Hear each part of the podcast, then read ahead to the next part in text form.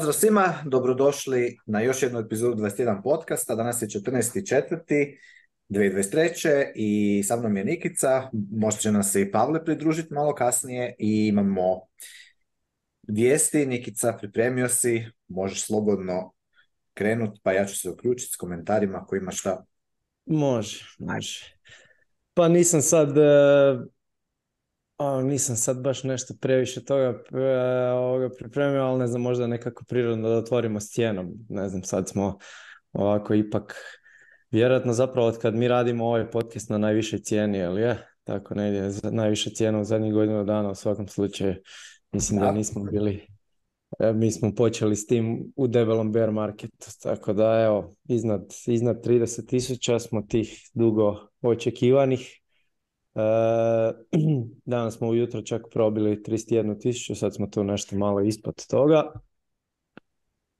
E, što se tiče makra, ne bi previše komentirao, ali čisto da spomenemo da, da, da su bile CPI brojke ovaj tjedan, koji su bile ono niže, niže od očekivanog, tako da je prirodno nekako da je, da, da je to buliš, ali mislim buliš je bio i cijeli lead up, ono, to, to je ono o čem ja često pričam, da je manje više sve nekako marketi su forward looking i sve nekako unaprijed e, već prajstinano. Sad od sljedećeg tog nekakvog velikog volatilnog eventa e, od Feda nas dijeli dva tjedna, tamo nakon 1. maja mislim da drugog i trećeg ili tako ne, ili trećeg i četvrtog, mislim oko, srijede taj tjedan je sljedeći FOMC meeting gdje će biti e, donešena odluka o, kamatnim stopama, ono, da li će dizat da li će spuštat, mislim da je, da da je nekako mišljenje sad trenutno, iako nisam provjeravao, to je ovako čisto nekako iz moje glave, da, da, da, da nam slijedi još jedan hajk od tih 0,25%, to je, već smo puno puta o tome pričali i dosta tih naših i moja i tvoja teorija, tako da nema smisla sad nekako da to ovoga, E, ponavljamo. Mm, ja sam našao jednu cool stvar na Twitteru koju sam e, ti linko tu, pa ako hoćeš otvoriti, odmah sam sad stavio na vrhu ovaj Nakamoto portfolio. S obzirom da ja ovoga ne volim previše pričat e, o kretanjima cijene, ono long term smo bullish, Bitcoin ima super fundamente i e, najbolja strategija je akumulirati Bitcoin e, dugoročno. kad vam nešto treba, ako vam treba, Bitcoin je ono 24/7 najlikvidniji market na svijetu, možete to isplatiti, a nekakvu dugoročnu štednju držite u Bitcoinu i to bi trebalo biti relativno sigurno što se tiče kratkoročnih nekakvih e, stvari to nitko ne zna ono traderi ljudi koji žive od toga pokušavaju spekulirati onaj koji je bolji u tome ovoga, uspjeva živjeti od toga onaj koji nije izgubi pa se vrati u nekakve ono doliko ste ili tako nešto a ovo što Pao sad šera na skrinu, je taj Nakamoto portfolio to je napravio jedan alfa zeta jedan brazilac naš Vidim da je ovo ovoga copyright od Swan Researcha, tako da očito on sad radi u Svonu. Mm, on je ono financijaš, radio dugo u hedge fondovima i naprave tu sad neke dvije fora ovoga stvari. E, sa desne strane ovo vidiš imaš DCA or lump sum i imaš dolje run the numbers, klikni taj gumb. E, skroz na... E, dobro, ovo si sad kliknuo taj lijevi random numbers, ali ajde možemo taj... E, to, tako. Sad tu imaš e, ako dolar cost average te šta je po meni nekako najbolja strategija dugoročno ovoga za Bitcoin s obzirom da većina ljudi ne radi u Bitcoin industriji i, i ne zarađuje Bitcoina nego zarađuju nekakav fiat novac od svoje plaće E, po meni je nekako najbolja strategija, najsigurnija, dugoročno je dolar cost average taj način ste osigurali da nikad ne kupujete topove, isto tako nećete nikad kupiti baš ni bottom, mogu postaviti razne varijacije kad cijena padne drastično dolje da da kupiš malo više ili kad cijena naglo skoči da recimo taj tjedan ili mjesec preskočiš, kod strategije se razlikuju, neko kupuje na dnevnoj bazi, neko na tjednoj, neko na mjesečnoj, neko na kvartalnoj, ali s ovim tu kalkulatorom se možete poigrati ako odeš gore, e, vidiš imate znači recimo neki kapital koji želite staviti, koliko često želite dolar cost average kad ste krenuli, da li ste imao ovaj upfront percent, da li ste nešto stavili e, unaprijed i e, prije nego što ste počeli dollar cost average i dobijete brojke kako bi vam bilo u zadnjih godinu dana, pa se možete pogledati u zadnjih dvije godine, e, ovoga, razne te nekakve time frame-ove stavljati. Znam da je bilo već tih ovoga, raznih simulatora, meni se ovaj najviše sviđa, za sad nekako mi djeluje ovoga najdetaljniji, dosta je ono brz i, i pokazuje ovoga detaljno neke stvari.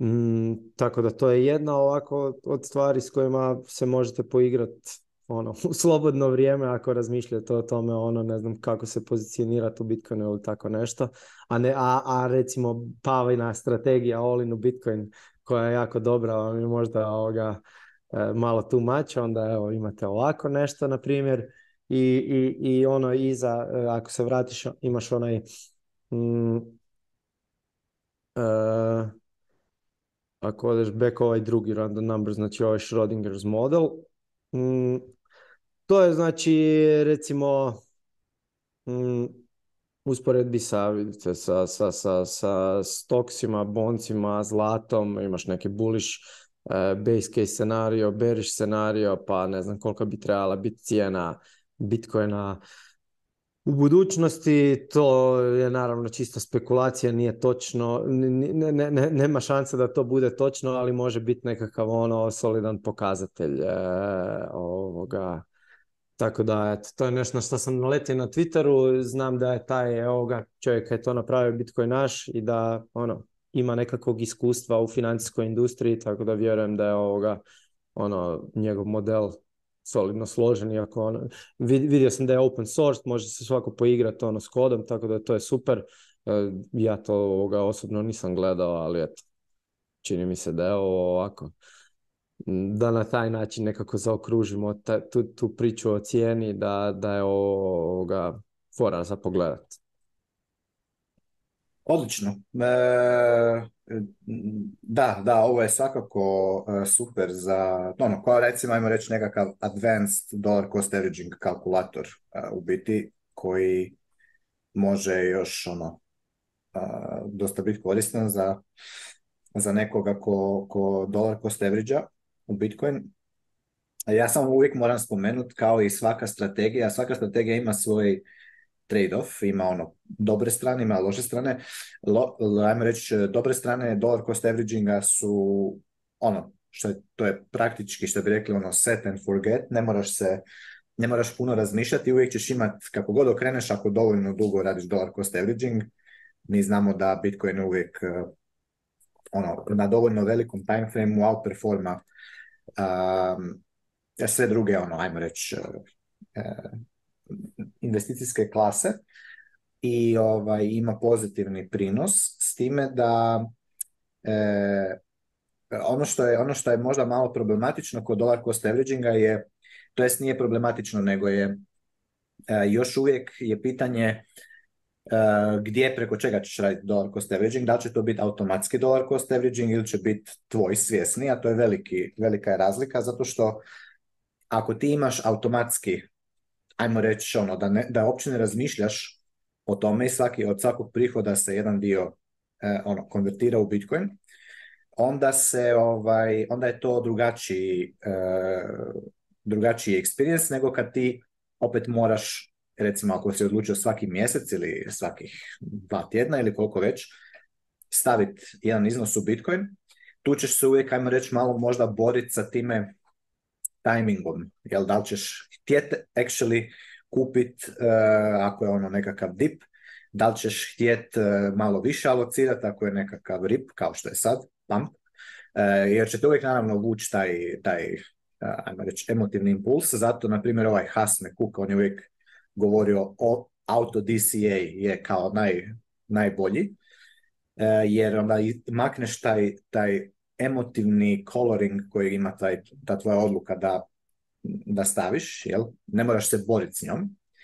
I ja se slažem s tim, s time da još uvijek treba dosta, dosta, dosta uh, infrastrukture se razviti da to bude full svima dostupno, dollar cost averaging strategija. I ovaj, ali još jednu stvar koja, koju bih rekao ovako, ne da je, ne da sad ja govorim ljudima da to ne rade, da pače, dollar cost averaging je svakako ono baseline za svakoga, definitivno dok ono gradi conviction u Bitcoin, ali isto tako treba reći da dolar cost averaging uh, um, ne uzima u obzir uh, ove bull i bear market sajklove i da, u teoriji je to ok, zato što ti ne, ne želiš razmišljati da je Bitcoin u, u ono, ne, trebaš razmišljati koji je price, znači to je poanta dolar cost E, averaginga, da ti ne razmišljaš koliki je price, nego samo ono, imaš određeni vremenski interval i iznos kojega ćeš stavljati.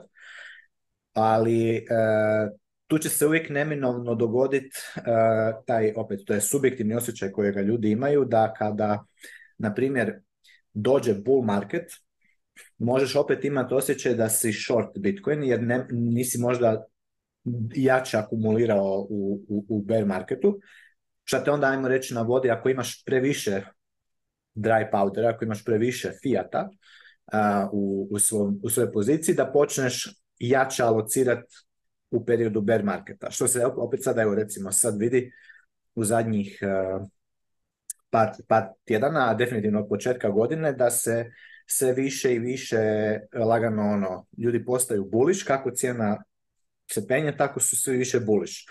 Dok ako to usporedimo sa recimo prošlom godinom, odnosno u ovom periodu, tu, kad smo bili ispod 200 week moving average kako je cijena išla dolje, tako su sve, svi više bili bearish. Znači recimo najviše su bili svi bearish, velika većina ljudi na 16 15, 16, 17 tisuća dolara, svi su ono, većina je call, ono, su gledali da će Bitcoin pas na 12 i zapravo su, ono, ajmo reći, su stezali se od, od jače alokacije u ovom periodu, a sad kako cijena raste, sad su svi nekako više buliš. I onda ja sad uvijek moram ono, biti e, party puper i recimo ja ću sad reći da u, ovoj, u ovom prajsu sad oko 30.000 dolara, ne kažem da sam ja postao beriš, ali ja bi recimo sada tu bio oprezni sa ako, ako će iko, ako recimo neko ima dolar cost averaging strategiju, da alocira jedan dio u Bitcoin fiksan, treba se sada boriti s tim da te ne, da te ne ponos, da te ne povede to da sad ti to povećaš, zato što sad vidiš da Bitcoin raste, pa ćeš ti sad to malo povećati u svojoj alokaciju. Što više, zapravo bi sada bilo dobro možda, ako, si, ako već neko ručno ono, adjusta saj, taj tu svoju alokaciju, sad bi recimo bilo dobro možda malo stabilizirati, e, odnosno malo, malo smanjiti e, alokaciju, zato što E, vidi se to i po, po, po tehničkim e, ono, karakteristikama u cijeni. E, leverage se dosta povećao, ono, sad dolazi ovaj Ethereum release za, da se može prodati od stakinga, ima masa ono, na ovaj open interest je full napumpanu na, na Binance-u, tako da je tako da je cijena, ajmo reći, malo je onako napuhana, ima malo malo je frothy, E, shitcoini ono, lagano pumpaju i tako. Sad su to sve stvari koje, opet, ako dolar cost averaging je automatski setup, ono, set and forget, set and forget, to ljude ne interesira cijela ta priča, ali ja nekako mislim da je većinu ipak, e, većina ipak provjerava šta se događa sa cijenom i ipak to za njih utječe. Zato ja stalno govorim da je ultimativna najbolja strategija ići all in u Bitcoin, a, i onda prirodno se adjustat s obzirom na to kakav, kakav je, kako ti se mijenja purchasing power, ali to naravno podrazumijeva ove prethodne tri, tri koraka koja sam ono, koje smo ono, objašnjavali u, u serijalu, to ćemo isto predstaviti možda malo na, sad kad budemo išli u Beograd na meetup, e, jer kažem, e, što se tiče ono generalnog konteksta cijene, mi smo i dalje vrlo blizu 200 week moving average tako da neko ko sada opet hoće alocirati u Bitcoin, historically, ono, to je jako, jako dobar entry, jel? E, to možemo ono dosta lako vidjeti.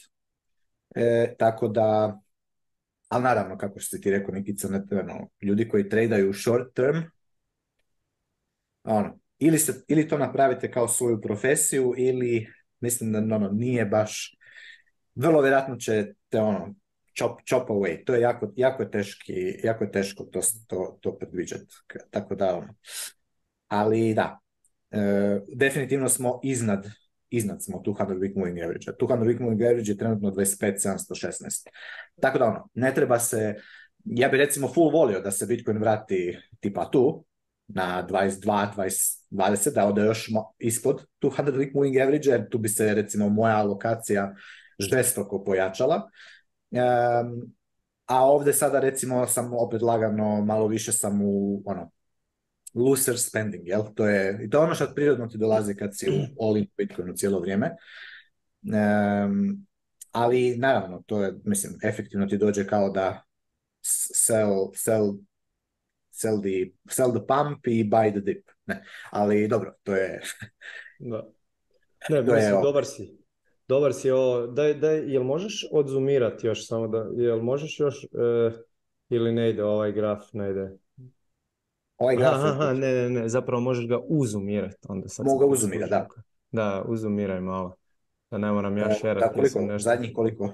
Zadnjih, stavi zadnjih dvije godine samo da bude na čartu. Znači šta je danas četvrti, dve i 23. znači šta, četvrti dvije... Stavi još malo ljevo, još malo ljevo, evo, sad taj 12. mjesec 2020, 11. Ja to. Ha, čekaj. Od, od tu nadalje.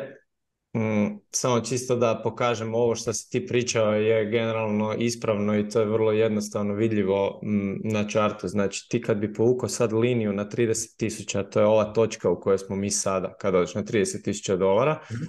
točno možeš, mo možeš vidjeti s lijeve strane ako idemo s lijeve strane čarta prema desnoj, kako je tih 30 tisuća bio velik suport. Prvi put kad smo ga probili, e, vratili smo se, to je ovaj skroz ako odeš sad tako, to je ova tu točka. Onda smo otišli gore, onda smo se vratili opet na tih 30 tisuća i svaki put je on bio nekakav suport. Onda smo ga prvi put malo probili, ali smo opet bouncili do sljedećeg all time high i onda kad smo prvi put propali smo se skroz zadržali. I ovo je sad prvi put da se mi vraćamo prema tih 30.000 tisuća dolara sa donje strane, ajmo to tako reći. I sad kada gledamo čisto s obzirom da se cijelo tredanje i sve smisao tom, toga ovisi o nekakvom volumenu. E, što je vremenski period duži, to je naravno i volumen manje više veći, ako to ne mora biti e, ispravno, jer volumen može doći u bilo kojem trenutku. Mi ovdje pričamo o nekakvom vremenskom rasponu od dvije, dvije i pol godine, gdje se skupilo jako puno volumena i gdje je očito da je velika većina tog volumena tradana iznad tih 30.000 dolara i nekako realno bi bilo, to nikad ne mora biti 100%, ja ne kažem da ćemo se mi sad odbiti dolje, ali nekako ono veći probability bi ipak morao biti da, da mi ne možemo tako jednostavno zadobiti ovih 30.000 tisuća. I, I to je ovako nekako, ono, ne znam, neko ko, ko ko si razmišlja sad ono o tome što raditi, najbolje je ono pustiti nekakvog malo vremena da prođe. Ako se mi uspijemo zadržati neko, neko vrijeme, ono nekoliko tjedana ili mjeseci iznad 30.000 dolara, to je generalno vrlo, vrlo bullish. Ako se spustimo ispod i zadržimo ispod 30, to je ono vrlo beriš i onda bi mogao biti e, in play taj nekakav tvoj scenarij da se spusti. Šta si ti rekao da bi volio da, da se dogodi, da možeš dokupiti još da se spustimo e, ponovno malo niže. To je sad sve nekakva igra probability, ali ovo si dobro rekao da smo sad imali dosta velik pump i da ovdje ono u principu nije sad situacija za bit vrlo buliš, e, pozicija za bit vrlo buliš je bila kad smo bili puno, puno niže dolje, što ne znači da mi sad i, i dalje ne možemo otići gore, ali eto čisto sam, ono, jasno je vidljivo na čartu da je tih 30 tisuća sad nekakva ono, e, resistance zona za početak. Ne? Da, i evo, sad još samo sam nešto htio, kad, sam, kad si mi već dao da ovo tu zoomiram zadnje dve godine, to je otprilike, to je evo, otprilike nekakav period moj od kad sam ono, na full, znači ono, zero fiat praktički. I sad, recimo, ja kad gledam ovo i točno, točno se sjećam, to sve, sve te transakcije zabilježene e, u budžetu, znači, e, ja definitivno mogu reći, recimo u ovom periodu, da u ovom ovdje periodu, jel, to nije naravno bio jedan samo, nije ono da sam uhvatio top, nego recimo, ajmo reći od e, tako, tu negde, pa do recimo tu, 40, ovaj ovdje period, to je više mjeseci, to je recimo od, e, šta ja znam, od, od prvog do petog mjeseca 2021. je moje, moja, moj spending, moja potrošnja je bila veća Jel? Ja sam i dalje imao i tu i prihode, ali moj savings rate je bio tu stisnut, kompresiran u ovom ovdje periodu, znači imao sam veću, jednostavno sam ono, kupio nove, no, ono, obnovio puno stvari, puno većih e, stvari koje bi inače, koje inače ne bi kupio. I onda u ovom ovdje, ovaj tu prvi, ovaj kad je bio ono Elon Musk i China Ben i to, tu sam, ajmo reći, stisnuo e, potrošnju i, i, i i, ono, i nisam imao tih većih kapitalnih izdataka i opet sam imao jednu sljedeću veću potrošnju tu negdje, od, znači od recimo 12. mjeseca 2021. pa recimo do tako do odavde, jel? I, I onda kad smo ono roknuli ispod, um, kad smo probili ovaj, ovih 40.000 dolara i ovaj tu veliki dip, i kad smo došli praktički na 200 week moving average, tu se recimo moja potrošnja, ono, e, neću reći da, da, je, da je stala, ali je definitivno bila puno, puno manja ukupno nego što je recimo bilo ovim ovdje periodima. A s druge strane je bila povećana, povećan je bio prihod, e, jer jednostavno sam imao više, više vremena za ono, na, u, u, radu i u prihodu i tako dalje.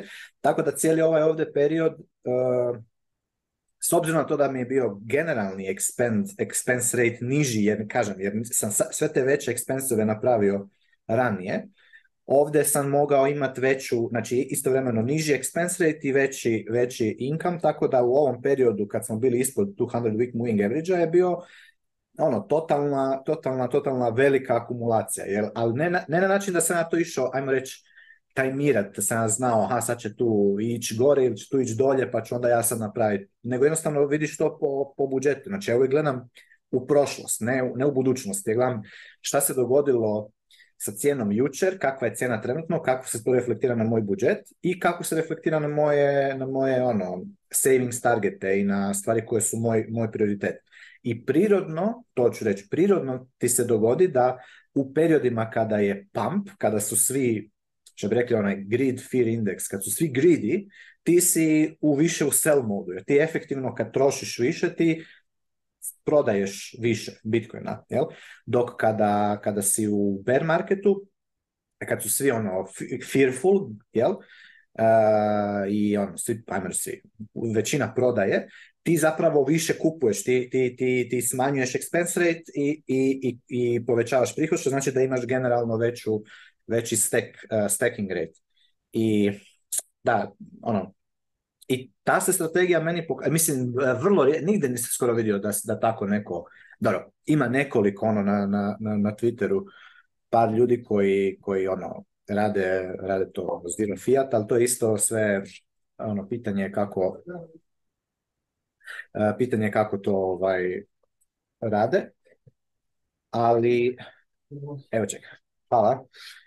Um, ali da, htio sam reći da je, da je ono, da, da kažem, svako naravno će odlučiti za sebe, ali mislim da, mislim, znam po svom iskustvu da ovo što, ta, ta strategija, taj pristup, da si jednostavno zamijeniš, zamijeniš e, fiat, držiš, držiš bitcoin, ne držiš fiat, znači sav fiat koji ti dođe, kojega zaradiš, konvertiraš u bitcoin i kada trošiš, trošiš tako da konvertiraš iz Bitcoina u fiat i stalno si u biti, u biti svoj cash balance držiš u Bitcoinu, bez obzira kolika mu je cijena, onda volatilnost Bitcoina te, te navede na to da kada mu kupovna moć raste, ti imaš veću kupovnu moć i onda imaš veći incentiv za potrošnju, što znači zapravo da sell, sell the pump radiš i obrnuto, kad, kad mu kupovna moć pada, imaš veću, veći savings i, i, ono, i manju, manju potrošnju i veće prihode.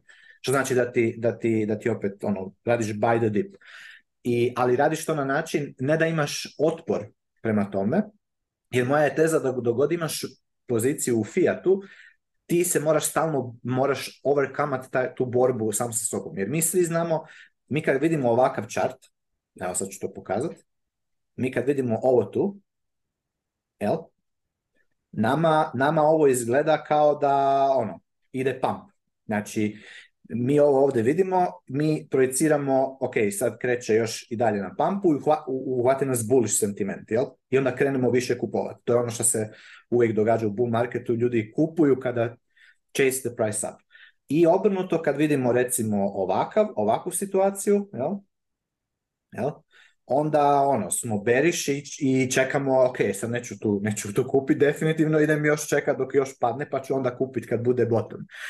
Ali, i, i to je ono, i ti se stalno moraš zapravo boriti onda. Ne, neću tako, nego ću obrnuto, jer ja moram sada kupovat više na ovom ovdje periodu, a na ovom periodu moram više selat, ako već alociram. I još jedna stvar, znači još jedan samo argument vezano, pa ćemo, možemo onda krenuti na drugu temu. Znači, čak i kad mi kažemo, ok, mi ja ću dolar cost average e, ok, neću, neću, mene ne zanima price, i ja ću samo odraditi dolar cost averaging i dalje ti imaš opportunity cost a, ono, ako recimo, na primjer, ja mogu reći, dobro, mene ne zanima koliki je price, ja ću, ja ću dollar cost average jedan mali dio kojega mogu ono, mogu ga se odreći potpuno, nije mi bitan iznos. Međutim, ako ja to napravim, recimo da su moji prihodi, ne znam, uh, šta sam dala onaj primjer, recimo da su nekome 2000 eura u mjesecu, ja ću staviti samo 20 eura svaki mjesec, na primjer u Bitcoin, i onda to mi ono nije nikakav, to je on, 1% eh, mog eh, mjesečnog prihoda, to ću staviti u Bitcoin. Je, to će, ta, ta strategija će ti biti dobra. Međutim, ti moraš uzeti u obzir činjenicu da tebi je ostalo još 1980 eura kupovne moći s kojom ti ćeš i dalje nešto raditi. Znači ti ako ćeš potrošiti e, taj ostatak koji nisi stavio u Bitcoin, ti si, ti si napravio spending, znači ti si napravio opportunity cost, ti si mogao više možda staviti u Bitcoin u tom mjesecu nego 20 eura, ali nisi.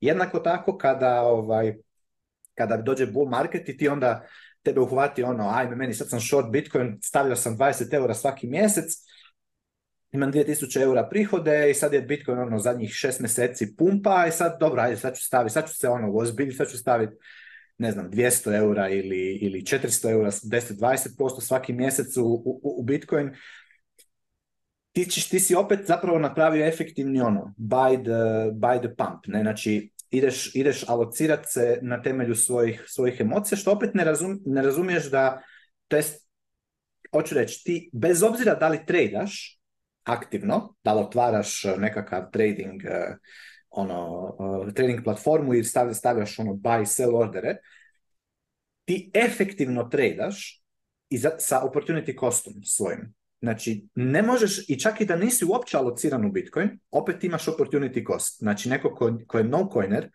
ima opportunity cost sa svojim, sa svojom, sa svojim novcem. Jer, e, ono, to je jednostavno to.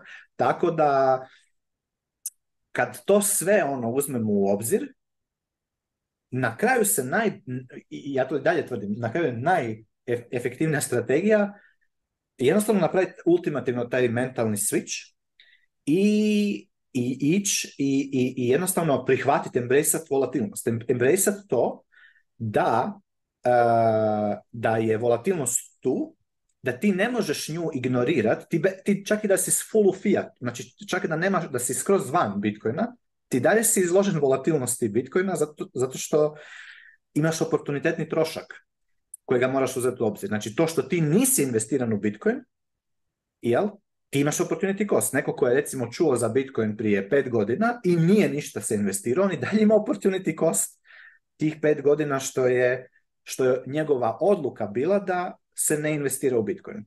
Znači, e, kako god okrenemo priču, ne možemo od toga pobjeći I zato je bitno o ovome razmišljati. Ali definitivno, definitivno, da se skroz to posto razumimo, to treba biti progresija. Znači, kad neko počne, kad počnete učiti, definitivno na jedan od prvih koraka je de, dollar cost averaging. Znači, kad shvatimo šta je Bitcoin, zašto se to radi, ali još uvijek ne znamo, ono, ne možemo, nemamo conviction zapravo u, u, u dugoročni, onda je definitivno dolar cost averaging strategija najbolja i zato je recimo ovaj kalkulator super da vidite otprilike kako se to, šta je moglo biti u različitim situacijama prije.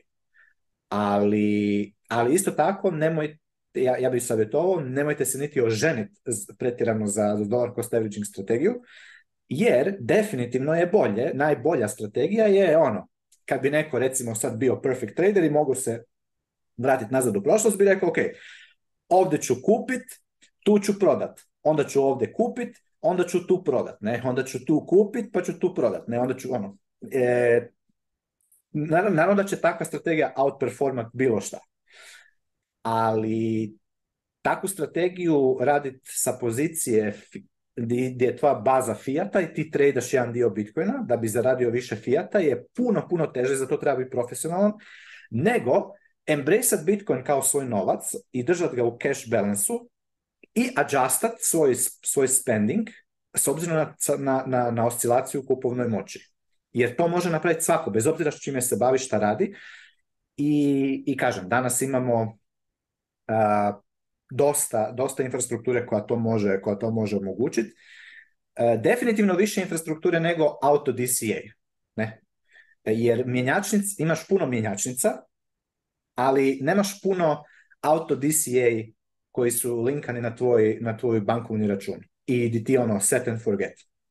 I plus šta opet, nemaju svi ljudi uvijek isti redoviti ritam prihoda, jel? nego imaju variabilne prihode, imaju variabilno vrijeme u prihodima, znači neko ima možda dva, tri prihoda u godini, veća, neko ima frekventnih, ne znam, svaka dva tjedna prihode, nekima su prihodi sezonalni, nekima su veći, nekima su manji.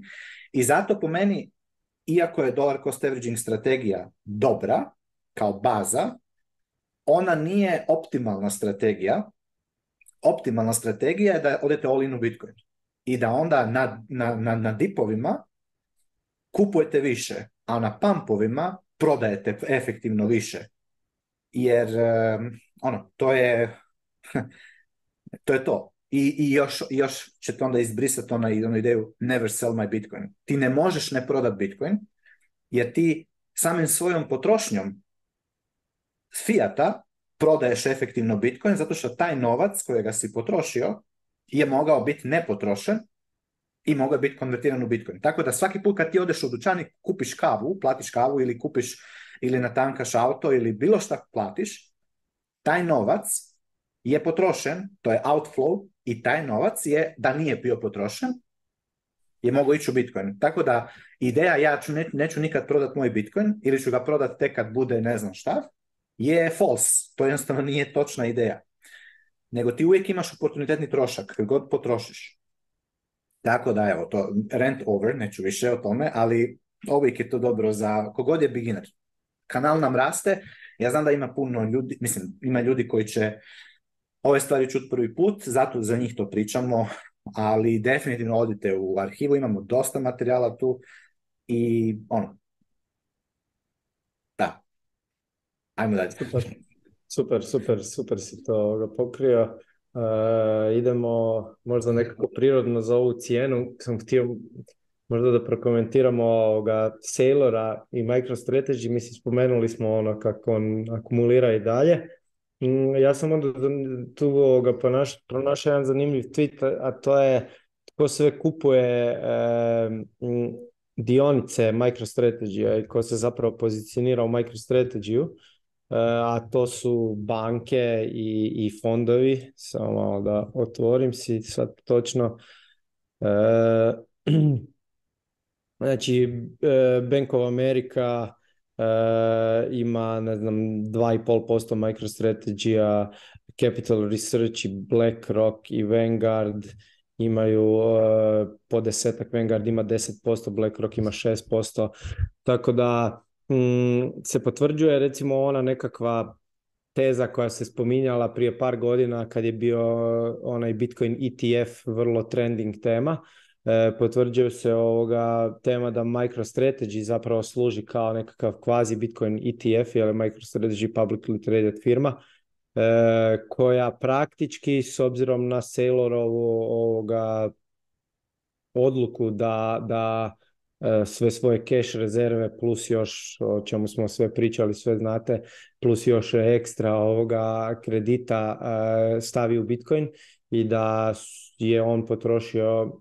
mislim oko on kao firma MicroStrategy su potrošili 4,5 milijarde dolara, ja mislim, za kupnju svih svojih bitcoina kojih sad imaju 140 tisuća, što je otprilike jedan na svakih 150 bitcoina.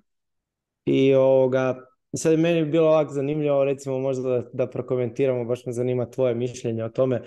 E, mm, je li ovo zapravo onako da oni ti sa druge strane koje, koje ne volimo na ovaj način nekako akumuliraju Bitcoin. Ako je, da li ga imaju ono previše, da li je jedan od 150 previše ili ti ne gledaš to ovoga, na, na taj način. Ne?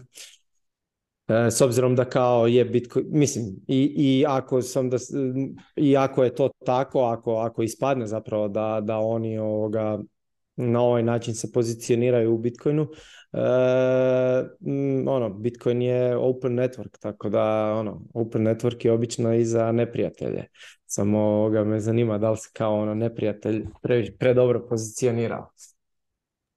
E, da, mislim ovako što se tiče koliko, koliko neko bilo ko, bilo to MicroStrategy ili možda u sljedećem sajklu Apple, fingers crossed, drži Bitcoina e, kao percentage of the supply je nebitno. Uh, znači, može recimo, uh, može MicroStrategy držat, šta si rekao, jedan od svakih 150 Bitcoina, to je ono da. ispod, 1%, ne, znači 0, nešto koliko već.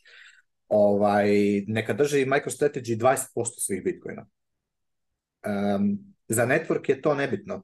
Znači, ono što je glavna poanta je da eh, da neko drži pol suplaja Bitcoina, on ne može tebe dilutat, ne može tvoju kupovnu moć Bitcoina ugroziti zato što nema mehanizam kako on može uvećati sveukupni broj Bitcoina.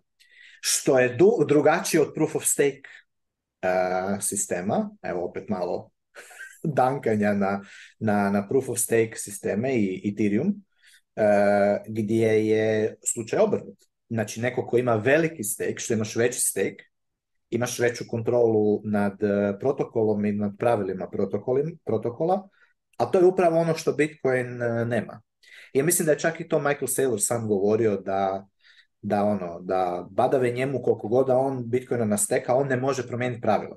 Don't change the rules i to je to. Znači na kraju ljudi koji ranaju full nodove su oni koji definiraju konsenzus Bitcoina i protokol, s obzirom na to da je da je rananje full noda vrlo, vrlo dostupno s praktički svima koji imaju ono, bilo kakav laptop i nekakvu dosta bazičnu internet ono, konekciju i bandwidth, ti možeš ranati full node i, i, i ono, koliko, kažem, koliko je na kojoj adresi e, BTC-a i koliko i ko kontrolira te BTC-eve, kako, je njihovo vlasništvo, apsolutno ni na koji način ne utječe na, na tvoje satoshi koje ti držiš, tvoje BTC-eve i, i na generalnu, generalni supply. To je ono što je, šta je beautiful kod, kod, kod Bitcoina.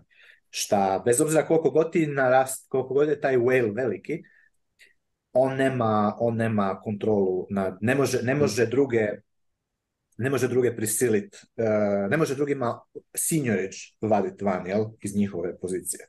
Dakle, da što se mene tiče, ono, more power to them, ali... Da, sorry, super da si ovo rekao, ali to dobro za početnike sve, da odlično si ovo objasnio i potpisujem svaku.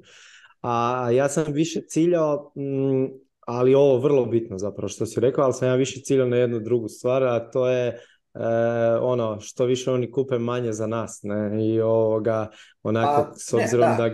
Da, da onako želimo e, želimo onaj svijet gdje ono Bitcoin fixes this barem ja nekako tako gledam na to onda je nekako najbolje da da, da ono mali ljudi imaju što više Bitcoina znaš da li su, da li su oni prebrzo skopčali situaciju i ovoga krenuli krenuli s nama u tu competing game, ono, ko će stekat više.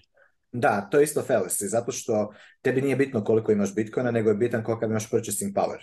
Znači, e, nema veze šta, su, šta oni imaju, oni su uzeli veći, veći dio suplaja, kada, ovaj, a, iako ne prodaju veći dio, zamisli sada da oni, da neko uzme pol, pol suplaja bitcoina, neko ima 10 milijuna bitcoina i ne želi ih prodat, to samo znači da, da njegov, njegov demand uh, puša, price, puša kupovnu moć ostatka Bitcoina gore. I ti jednostavno, da, tvoj Bitcoin, ti imaš manje nominalni broj Bitcoina, ali ukupno imaš veću kupovnu moć. I to se opet vraćamo nazad na, na, na onu priču, da, a to je bitna full priča, znači da zapravo tebi nije bitno koliko ti imaš, koliko točno imaš satošija, nego ti je bitno koliko imaš kupovnu moć. Jer opet, ja bi rađe imao jedan BTC danas, nego 10.000 BTC-eva u 2010. godini. Zašto? Zato što u 2010. godini 10.000 BTC-eva je imalo kupovnu moć dvije pice. Ne? Oko 20-30 dolara. Znači, ono, a danas jedan BTC ima kupovnu moć 30.000 dolara. Znači, tako da, uh, ja bi rađe imao jedan BTC danas nego 10.000 BTC-eva u 2010. I jednako mm. tako bi rađe za 10 godina imao, ne znam, 100.000 satoshija versus jedan cijeli BTC danas.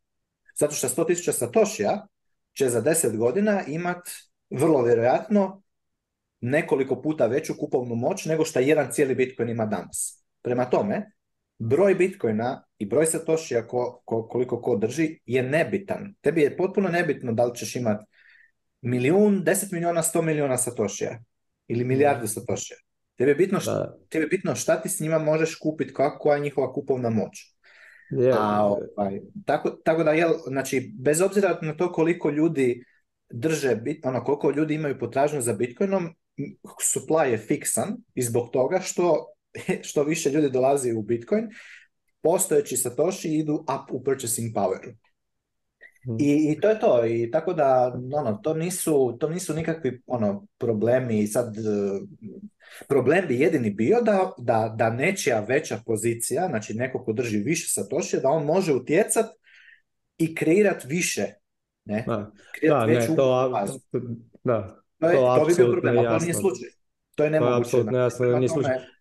Ne, ovo sam ja više, ajde, ok, oni nisu Bank of America, ti fondovi BlackRock, to, to nisu direktno državne agencije, ali ajmo reći da imaju neke poveznice sa stateom, to je više bilo ono defund the state, znaš, jel? ako imamo taj argument da naš purchasing power raste, raste i njihov purchasing power, odnosno e, čuvaju te svoje dolare, svopaju bitcoin pa i dalje im ono, kako bi rekao, ostaje taj njihov utjecaj, im utjecaj u odnosu na ostale bitcoin naše. Više sam ja na to ciljao, znaš. A na to, samo da to isto još objasnim za, za ko gleda, defund the state se događa kako Bitcoin defund the state. Bitcoin defund the state zato što e, recimo BlackRock ili kogod, MicroStrategy ili... Evo recimo MicroStrategy je odličan primjer. Znači MicroStrategy je u 2020 imao 250 e, milijuna dolara u cash dolara, jel? Možda je bilo u money market fund, ali ja mislim da je bilo većina u, u baš ono, bank accounts. Znači, e, ono što je, ono što je bilo alternativa, da ima nekakav prinos na te dolare, je bilo da kupi e, državne obveznice, ne? znači da kupi US Treasuries. Eh, I oni imaju ono najmanju volatilnost, najsigurniji su, ali imaju najmanji prinos. I sad, kad je MicroStrategy odlučio umjesto da kupi 250 milijuna dolara US Treasuries, državnih obveznica, on je kupio 250 milijuna dolara Bitcoina, on je tu monetarnu premiju koju je, drža, koju je mogao držati u, u državnim obveznicama stavio u Bitcoin, potražnja za državnim obveznicama je pala za tih 250 milijuna e, dolara, jel? Znači, njegova marginalna potražnja je pala i onda 250 milijuna dolara e, se neće neće se išćivati, neće se kreirati, Neće se kreirati ekstra 250 milijuna dolara. Znači, kada, kada, mi, kada mi prodajemo E, svoju, recimo, mnogi ljudi danas imaju većinu svoje štednje u državnim obveznicama da nisu ni svjesni, zato što opet ako su recimo u Hrvatskoj ili vjerojatno isto slučaj državama na Balkanu, imate nešto što se zove obavezni mirovinski fond, tu konkretno u Hrvatskoj, obavezni mirovinski fond je zakonom određen da investira u jednom dijelu, mislim da je 70% kod nas u Hrvatskoj, u državne obveznice. Znači ti ako od svake svoje plaće, ne ti kao, kao radnik, nego tvoj poslodavac, firma za koju, za koju ti radiš, koju imaš potpisan ugovor o radu, ona za, u tvoje ime odvoji dio tvoje plaće, znamo da je plaća bruto i neto, jel? Odvoji dio bruto tvoje plaće, jel to stavi u takozvani obavezni mirovinski fond, koji po zakonu 70% tog novca, znači recimo evo, od ne znam, od 1000 eura, 700 eura mora kupiti državne obveznice Republike Hrvatske. Kako ti defandaš državne državu Republike Hrvatske? Tako što ne, da recimo ne uplatiš tih 700 eura kupiš državne obveznice, nego ih kupiš Bitcoin s njima, potražnja za, za, za državnim obveznicama je pala za tvoju, za tvoju marginalnu ono, potražnju i neće kreirati nove, nove državne obveznice, što znači da neće kreirati niti novi, novi fiat, neće kreirati nove eure. Jel? Jer opet, mehanizam kako se kreira novi, novi, novi fiat je kroz zaduživanje. Znači, država se zaduži, jel? država izdaje obveznice, znači država izde, ono, zadužuje se, centralna banka kupuje njen dug, kako? Tako što kreira taj novac out of nothing. Jednostavno ga dodaje jel, uvećava monetarnu bazu za ekvivalent ovoga državnih obveznica koje su, koje su se e, izdale. Znači, mi defandamo state tako što smanjujemo potražnju za državnim obveznicama. Ali Bitcoin to radi na jedan e, elegantan, miran, stabilan, predvidljiv način, tako što istovremeno smanjuje potražnju, jel? znači ko, ko, da imamo kulu od karata koju koju, koju, koja ima dve, znači imamo ono dve karte, jedna je strana ponuda državnih obveznica, jedna strana je potražnja za, državno, za državnim obveznicama. S obzirom na to da, da, da Bitcoin makne potražnju za, za državnom obveznicom novom, za izdavanjem novih državnih obveznicama kao instrumentom štenje, tako isto jednostavno makne ponudu. Znači, Amerika neće MicroStrategy više neće sigurno štediti u državnim obveznicama Amerike. Ne? U sljedećem ciklusu možda Apple. Apple drži veliku količinu US uh, Treasuriesa, jel? E, jer Apple ima ono cash balance od ono, milijard, to su milijarde, puno veći još od MicroStrategy. A sad zamisli recimo da, da, da Apple ono proda, proda US Treasuries i, i, i da kupi Bitcoin s njima. Znači, cijela potražnja Apple-a za državnim obveznicama padne, znači i ponuda novih državnih obveznica mora ići dolje. I, i tako, tako se defunda state. A što state ima manje, što država ima manje izvora financiranja iz zaduživanja, to mora više se financirati oporezovanjem. Ali puno je teže oporezovat nego se zaduživati. I onda da, da, da ljudi koji drže fiat popiju trošak e, kroz gubitak kupovne moći, odnosno kroz inflaciju. Znači, zbog toga mi defandamo state sa Bitcoinom.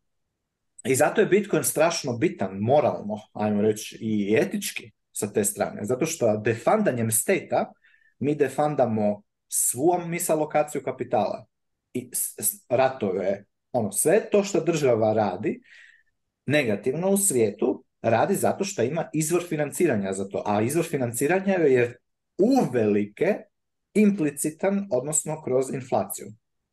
Jel?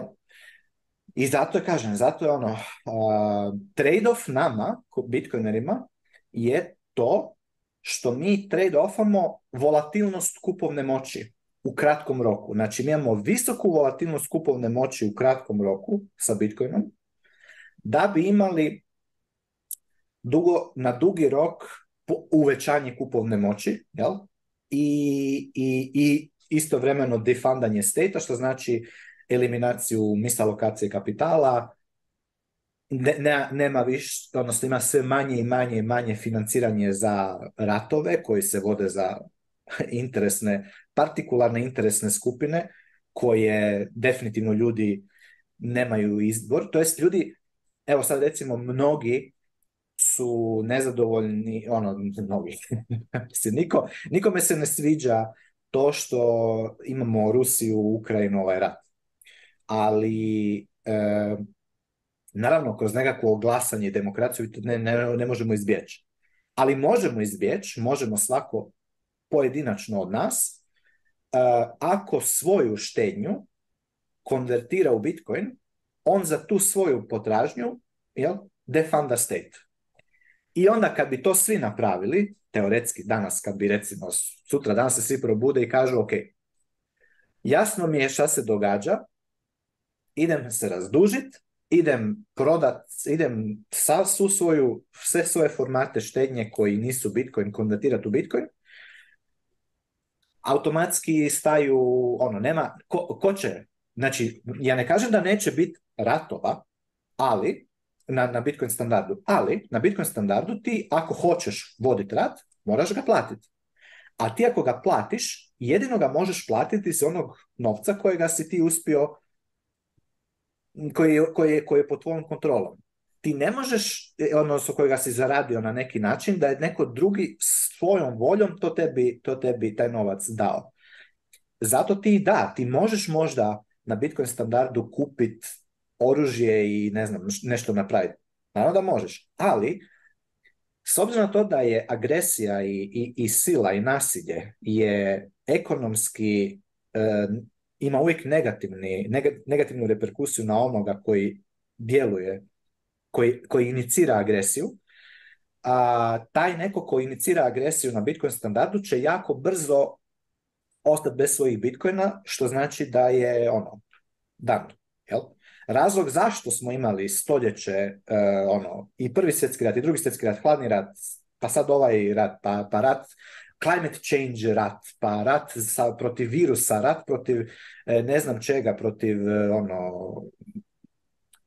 rodavo i spolova i ne znam čega sve već ne, ne vode ratove, je to što se ti ratovi mogu financirati indirektno kroz, kroz inflaciju.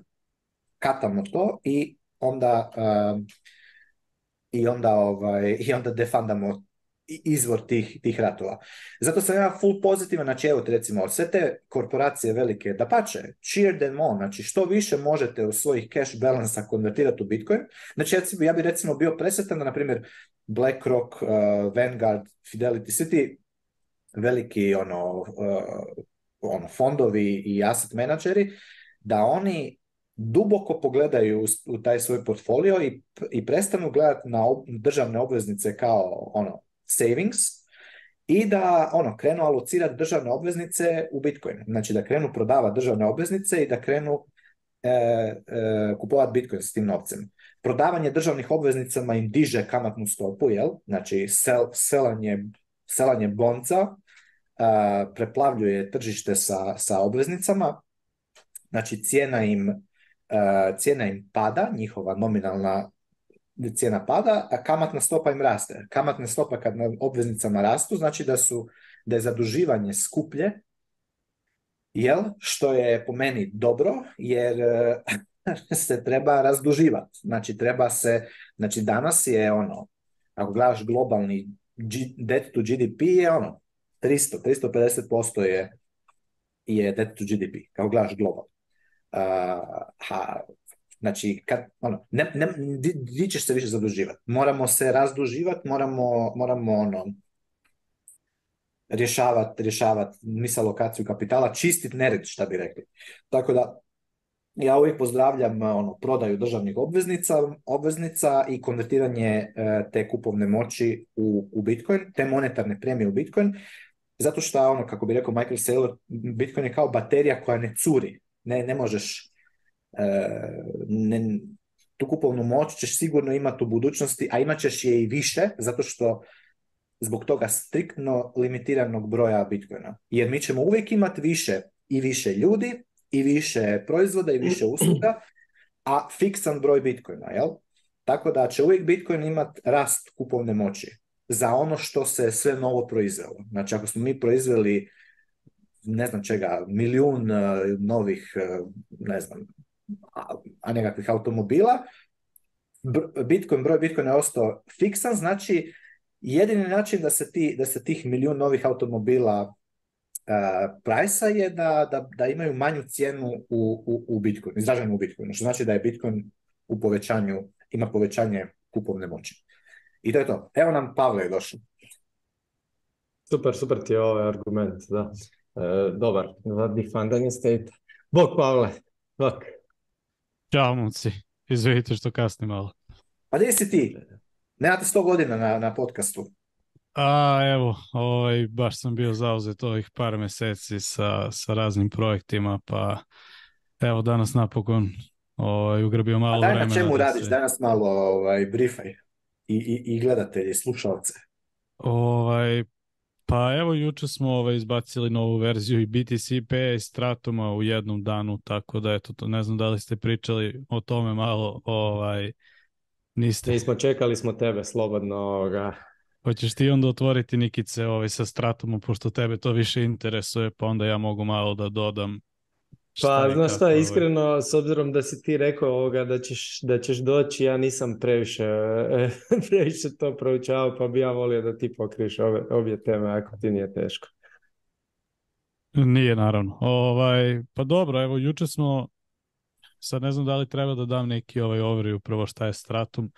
Pričali smo malo o tome već nekim prethodnim podcastima, ali ajde, ponovo ista priča, ovaj, Bitcoin protokol je zapravo set pravila koji određuje kako određeni uređaji na mreži komuniciraju, kao i svaki protokol. Ovaj, u kontekstu Bitcoin mininga to znači da on određuje kako mineri komuniciraju sa mrežom između sebe, sa Bitcoin mrežom i sa mining poolom ili mining proksijem trenutni mining protokol koji se koristi od 2012. zove se Stratum. Mi smo ga preimenovali u Stratum V1.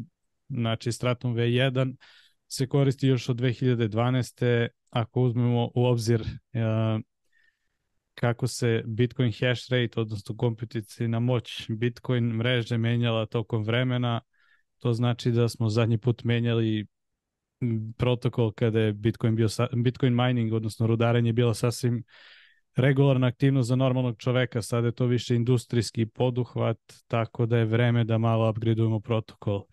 A, Stratum V1 ima mnogo nedostataka sam po sebi, mislim ja sam već pričao, sad ne bih da se ponavljam nikica ajde ako sam nešto ovaj, krene malo da rentam, onda ti, ti mi ovaj mrdni glavom ili ono kaži, e, ja samo da dam malo kontekst zašto je ovaj bitno ovo što smo juče objavili. E, znači Stratum V1 E, taj protokol koji je danas standard za Bitcoin mining e, prvo nema osnovnu enkripciju što znači da je komunikacija između minera u, plain tekstu što znači da bilo ko ko presretne tu konekciju može da uradi man in the middle attack i da sa vaših miner, minera, mining uređaja jednostavno preusmeri to na neki drugi svoj pool recimo i da vam ukrade malo, malo vaše komputacionalne moći ovaj, mining poolovi ne vole da pričaju o ovom napadu zato što to nije baš dobro ovaj, stvar za njih u, smislu marketinga, ali dešava se taj napad i, više, i, više, i češće nego što bi zapravo mislimo da se dešavaju.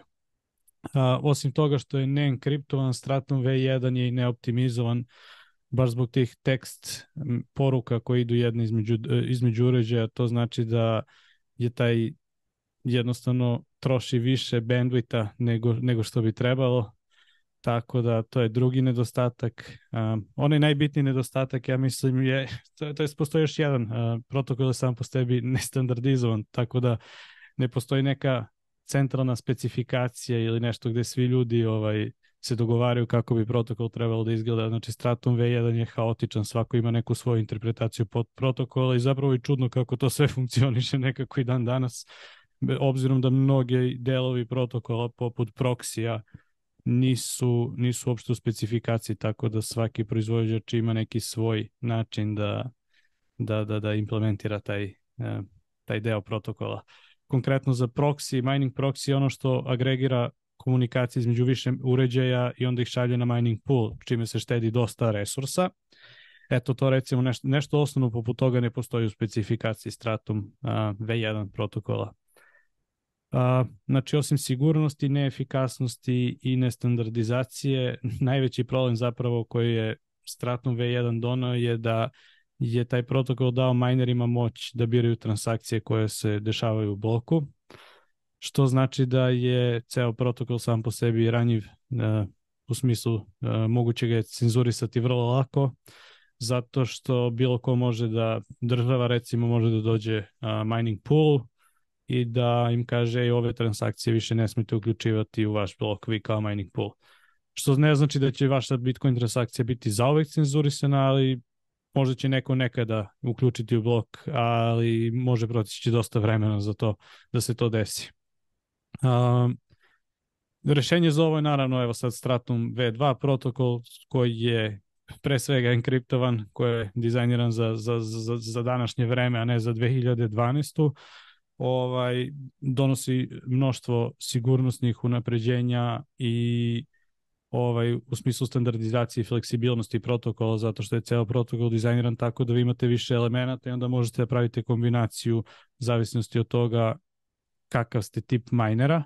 Znači postoji mnogo konfiguracija koje vi kao miner ili mining pool možete da izvučete iz Stratum V2 protokola i najbitnije od svega toga je da je to stvarno standardizovano. Znači, interoperabilnost između različitih implementacija je olakšana.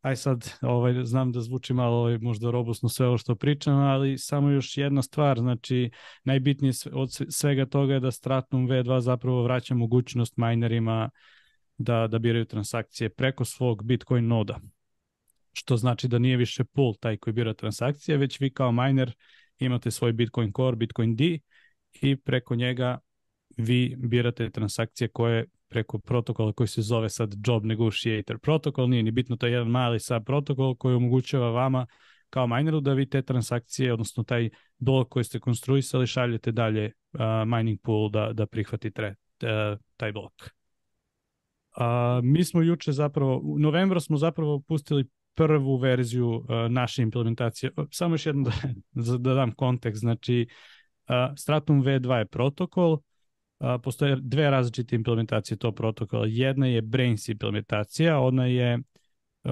nju su znači, autori bivšeg slash pula, ovaj, oni su i autori specifikacije za sam protokol zajedno sa Matt Corralom, Bitcoin Core developerom.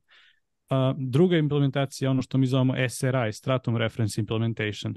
razlika između te dve implementacije je da je Brainsova uh, closed source, znači ne postoji nigdje taj otvoreni kod njihove implementacije, dok je naša ona reference, odnosno glavna implementacija skroz otvorena, besplatna i dostupna svima.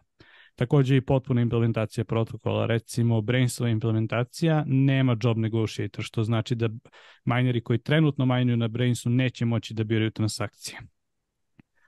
Ovaj, čak i sam Brains, njihov tim, također nama pomaže da pravimo ovu e, reference implementaciju, zato što i njim u interesu, oni kažu da implementacija mora biti open source, mora biti formirano od više različitih entiteta i ne sme entiteta i ne sme biti centralizacija u smislu koordinacije kako će se ta implementacija praviti. Recimo u Lightning Networku imamo kompanije koje prave implementacije, pa se onda dešavaju rivalitete između tih kompanija, pa onda tu se dešavaju uh, različiti problemi sa interoperabilnošću različitih implementacija. Imate Core Lightning, LND, LDK, svi oni nekako pokušavaju da, da, da izvuku tu interoperabilnost, ali zapravo uvek ima neka kompanija koja to razvija. Ah, gde sam sad stao? Ovaj, šta je tu bitno? da, naša implementacija open source. Mi smo novembra pustili tu prvu zvaničnu kao zvaničan kod koji je mogao stvarno nešto da se proba, da nije bilo samo teorijski novembra smo, ja mislim, i pričali, Nikica, o tome aj podsjeti me ti sad, ali generalno mineri koji imaju Stratum V1 firmware na svojim uređajima mogu da koriste Stratum V2 mining pool. I to je ono što smo mi bili pustili novembra. Ono što smo pustili juče je zapravo najbitnija ovaj stvar oko celog e, stratum, oko cele stratum priče, zato što uh, job negotiator protokol, odnosno protokol koji omogućava minerima da biraju transakcije napokon pušten E, i dostupan svima za testiranje. to znači da sada recimo Nikica sa svojim S9 minerom može da dođe na naš sajt, ode na ovaj Getting Started guide na sajtu i onda možeš da vidiš instrukcije tu kako zapravo možeš da vežeš. To je još uvek naravno tehnički zato što ti zapravo sam praviš svoj mining pool, imaš svoj mining proxy, znači bukvalno sve radiš sam na svom računaru lokalno ali kada imamo polove, onda će tebi iz tvog Google to biti samo jedan link koji ćeš moći staviš u svoj, na, na, svom S9-u i da se vežeš za Stratum, za mining pool koji mm. podržava Stratum V2. Znači mi smo pustili tu verziju evo sada šta je moguće? Moguće je da ti uh, e, uvodeš svoj e, S9 miner, imaš svoj Bitcoin node na računaru, imaš svoj test pool na računaru, imaš svoj proxy, možeš više uređaja da vežeš recimo i imaš sve to sve lokalno na računaru gdje ćeš moći da testiraš da ti kao individualni miner biraš transakcije, šalješ ih pool, de pool u trenutnoj implementaciji mora da prihvati ono što mu uh, mineri Znači mora, nema opciju da kaže neću, nema, ne, apsolutno ne postoji u protokolu način da on, odnosno u trenutnoj implementaciji. E, ono što ćemo, na čemu ćemo raditi možda u budućnosti je da malo menjamo tu specifikaciju da vidimo, treba nam feedback mining poolova i minera da vidimo kako ćemo zapravo dalje e, u smislu kako će se ta implementacija dalje odvijeti. nas je ovo pokrio. Meni je, ovo full zanimljivo, vidim da i u, u, grupi ima, ima dosta ljudi koje zanima ovoga, taj mining, pa, pa ovoga, pretpostavljam da će im ovo biti full zanimljivo i gotovo sva potpitanja koja sam imao si, si odgovorio, pa ajde samo onda ovo na kraju zapravo. E, čekaj, znači u, u prvo, prvo mi je bilo pitanje zapravo kako, kako to napraviti, ali to si objasnio, znači odemo na website Get Started i tamo ovoga je manje više su ti stepovi koje treba followat. A, a daj mi sad reci ovako, znači u V1 je mining pool bio taj koji, to jest mining pool owner je bio taj koji je birao transakcije koji, koji se slažu. Da, je tako? tako je. Oni biraju e. transakcije preko svog Bitcoin noda i onda mogu da biraju algoritam koji, i način na koji će se te transakcije stavljati u blok. Stavljati u blok, da. A sad po V2 zapravo individualni mineri mogu, znači ja sam mogu to raditi. I rekao si da oni moraju to staviti unutra. A sad, znači, ok, znači mi, e, e, da li postoji već sad pool koji, koji, ovoga, e, koji koristi Stratum V2 protokol? Ne, ne postoji. A, postoji zapravo Brains koji koristi Stratum V2 protokol, ali nema ovu implementaciju gdje miner može da bira. Aha, to je ovaj closed.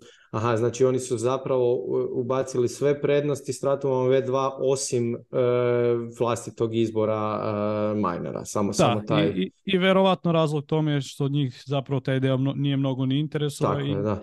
sama specifikacija još uvijek nije bila dovoljno određeno zapravo nije bilo dovoljno diskusije kako treba da se razvije to.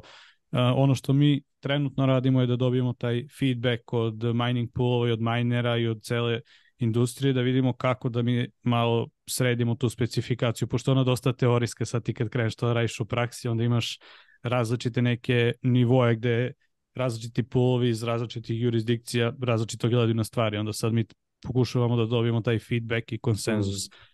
Trenutna implementacija je bukvalno da Mining pool slepo veruje minerima šta god ide u blok, zato, zato i nije na mainnetu, još uvijek je na testnetu i nije produkcijski mm. software, znači još uvijek je u fazi testiranja.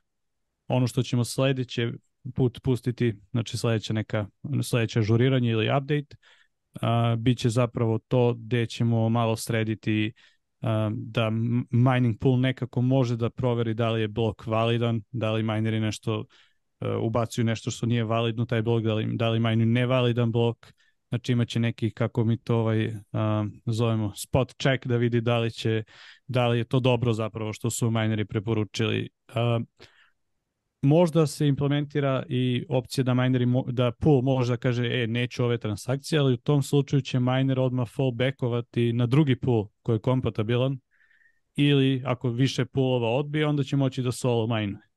Tako da mm. to su neke razmišljanja trenutno u, u pogledu razvitka.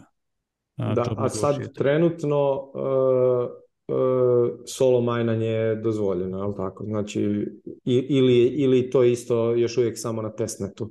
Ili ja mogu izabrati e, da solo majnam i da složim. Mislim, tad zapravo uh, da to izaberem bi u V1 imao svoj izbor, jel tako? Baš tako. Kada, kada solo majnuješ zapravo ti sam biraš sam transakcije, tako da je ovo na neki način solo majnovanje, ali ako ono, hoćeš baš da uprostimo sve, to je na neki način solo majnovanje, s tim što dobiješ uvek ovaj prihod od, od mining pool mhm. Ali je mining protokol, znači za pooled mining, ne za solo mining, ali će mu dati tu mogućnost da možeš i da solo mineš ukoliko više poolova odbije tvoje, tvoje znači cenzuriš mhm. cenzurišu te na neki način.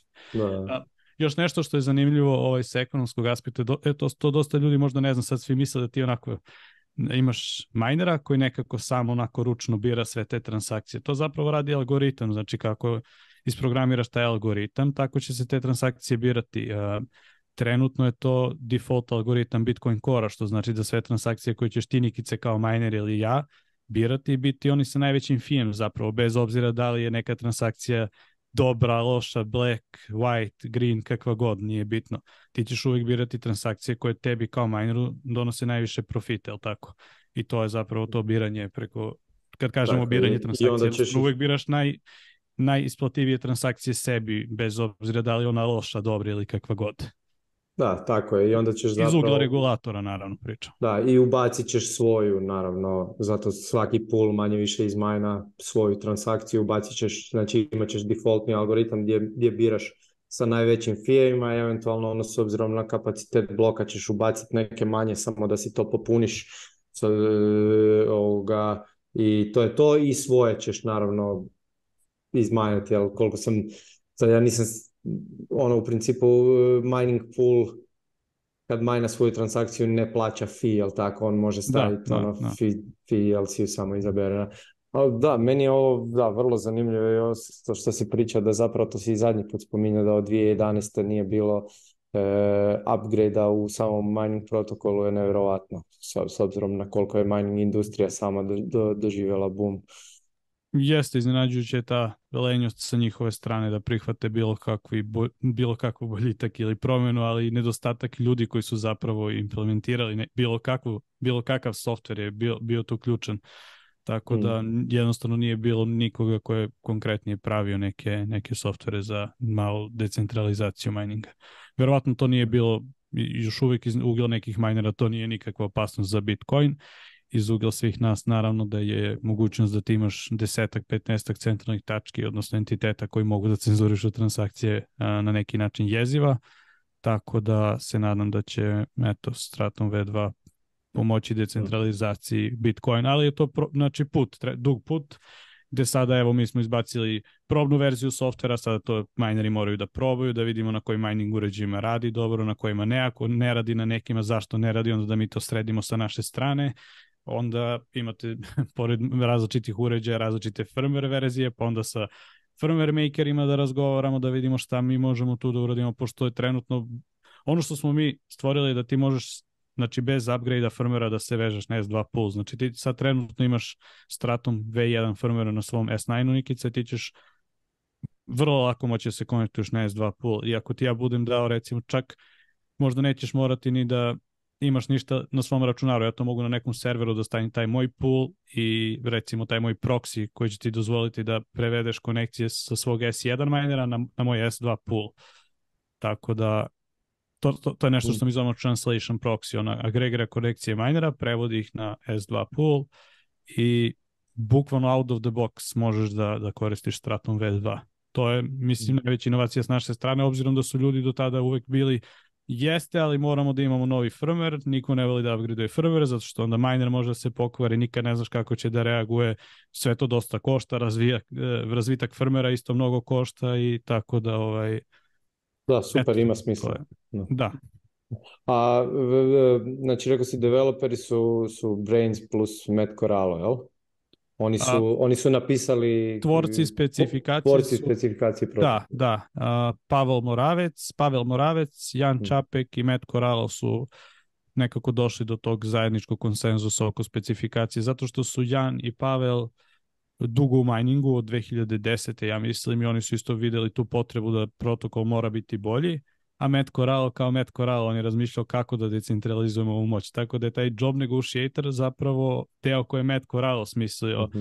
u, u nekom prethodnoj implementaciji njegovog nekog kako Bitcoin mhm. mining treba da funkcioniš. I onda su rekli, čekaj, ovi su poboljšali sigurnost i još mnogo drugih stvari, optimizovali protokol, Met je dodao decentralizaciju, a mi sve tu jednu specifikaciju da stavimo pa da vidimo kako će da, da radi. To je zapravo bila ideja. Pa, pa, ko je developer Stratum V1? Stratum V1 su isto Jan i Pavel. Mm, znači Verovo to je isto od, od Slash je, su tako oni tad bili, tako, je, tako? Da, oni su Tako je, oni su, oni su zapravo razvili Stratum V1 kad je ASICS priča krenula, vidjeli su da jednostavno mora, mora biti e, drugi, drugačiji protokol i onda su sad svi prešli na, na, taj protokol tada, evo nadam se sada, mislim kada tvorac tog protokola koji koristi cijela mm. industrija vidi da potrebno da se, da se pređe na nešto novo, mislim da to dosta govori o tome koliko je bitno da, da se upgradeuje. Mm, super. Super, da, ja nemam više pitanja o tom, ne znam, evo, hoće Pao ili hoćeš nam o cp u šta ste tamo radili? O pa ne, evo može Pao ako ima neka pitanja, nisam ga, nisam ga dugo čuo. Ne, ja sam samo e, zadovoljan da, da, da radite na, na, na, tome da se to razvija, zato što meni je najinteresantniji aspekt e, promjene u tom e, da, da mineri sami biraju transakcija, ne mining poolovi, to što je to manje mislim, manji je rizik cenzure. Jer ako neko će reći, ne znam, e, kako se zove ovaj Foundry pool u, Americi, ovaj najveći pool. Ako će reći, doće ono Sleepy Joe i reće, e, ne možete ono, ne možete, ne možete konstruirati transakcije koje su blacklistane zato što su iz, ne znam, Rusije i Irana i čega god.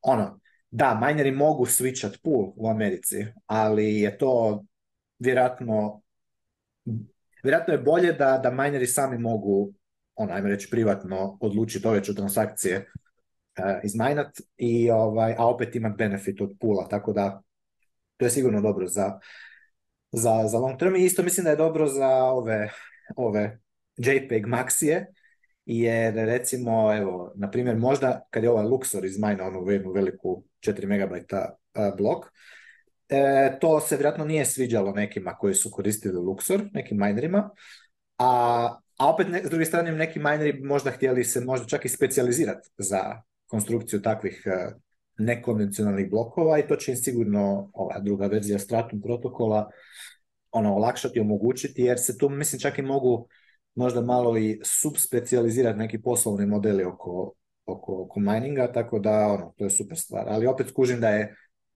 treba vremena, jednako kao i ono, generalni Bitcoin development je spor.